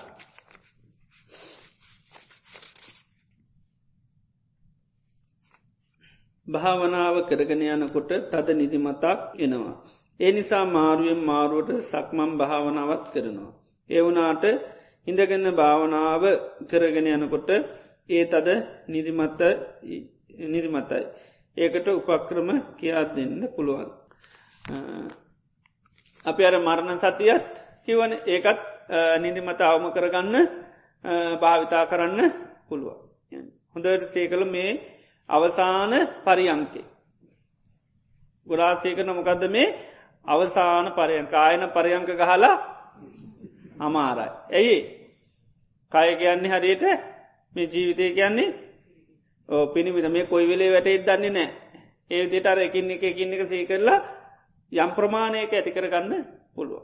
ඉති මේ නිදිමත කියනේවා හේතු කීපයක් තියෙන දැන් ගොඩ ගොඩක් සමාරයට බෙහෙත් පාච්චි කරනවන.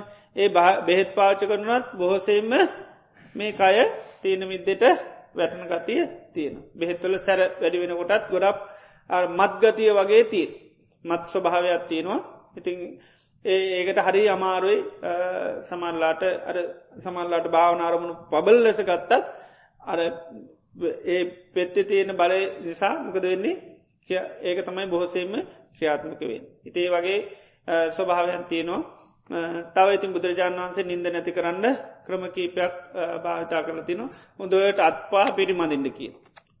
මූුණ කම්බුල් හොඳට රත් කර ගණ්ඩ කියන. හොදට අතුල් ලතුල් ලතුරල රත් කර ගන්න කිය. ඊළඟට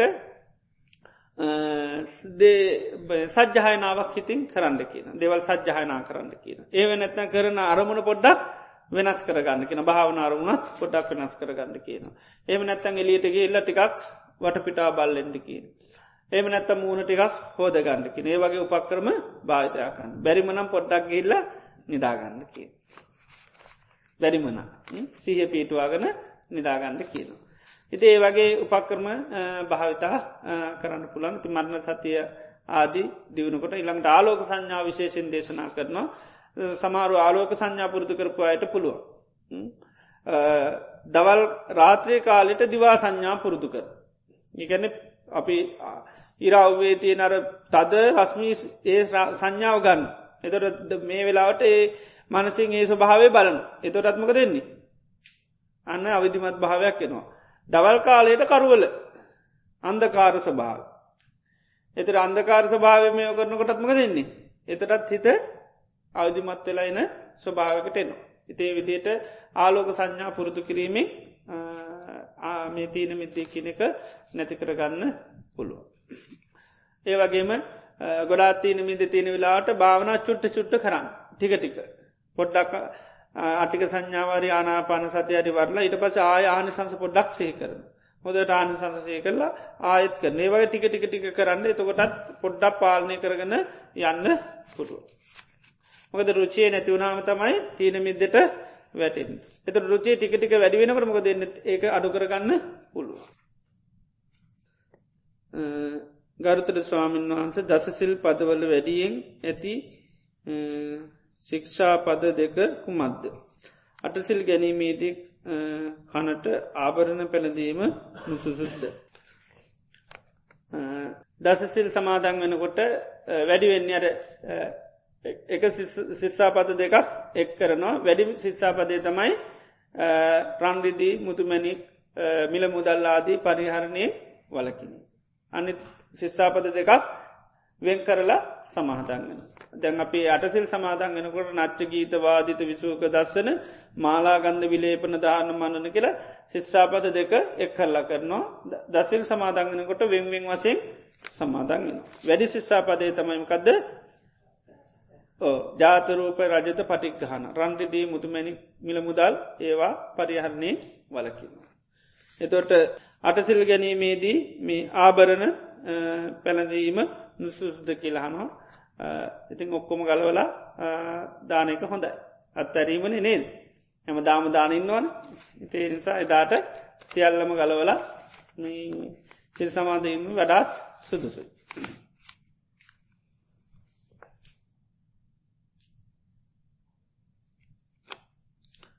නාම කොටස් වන වේදනා සංඥා චේතනා පස්ස මනසිකාර පැහැදිලි කර දෙන්න. පටිච සම්පාදයේ නාමරූපේන ඉහත සියල්ල අතීත ජීවිතයන්හි වේදනාවද. ඉන් පසුව සලාඇතන පස්ස වේදනා වර්තමාන ජීවිතයේ අත්දැකීම්ද දෙරුවන් සර. වේදනාව කියල කියන්නේ අරමුණක තියෙන ස්වභාවය විඳින ගති. වේදනාවෙන් කරන්න ඒකයි. ත්‍ර වේදනා තුනක් පෙන්න්න නොමකක්ද සුකවේදනා දුක්කවේදනා අදුක්කම සුකවේදනා.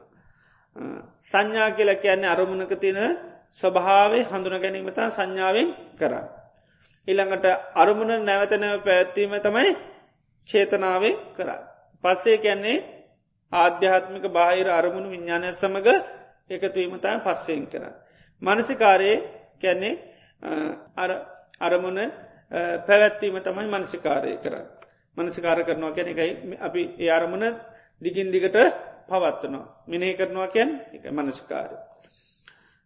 එතට මේවා තමයි නාම කොටස් ඇතිට මූලිකෝ තියෙන්නේ පරිසම්පාදී එතට මේ විශේෂෙන් පරිි සම්පාදය බුදුරජාන් වහන්සේ දේශනා කරපු හම පටිච්ච සමුපන්න ධර්ම කියලතින පටිච සමු පාද කියලතින. ඔක්කෝම ගත්තොත්තේම පටිච්ච සමුපන් ඒගැන හේතුන් නිසා හටගත්තේවා.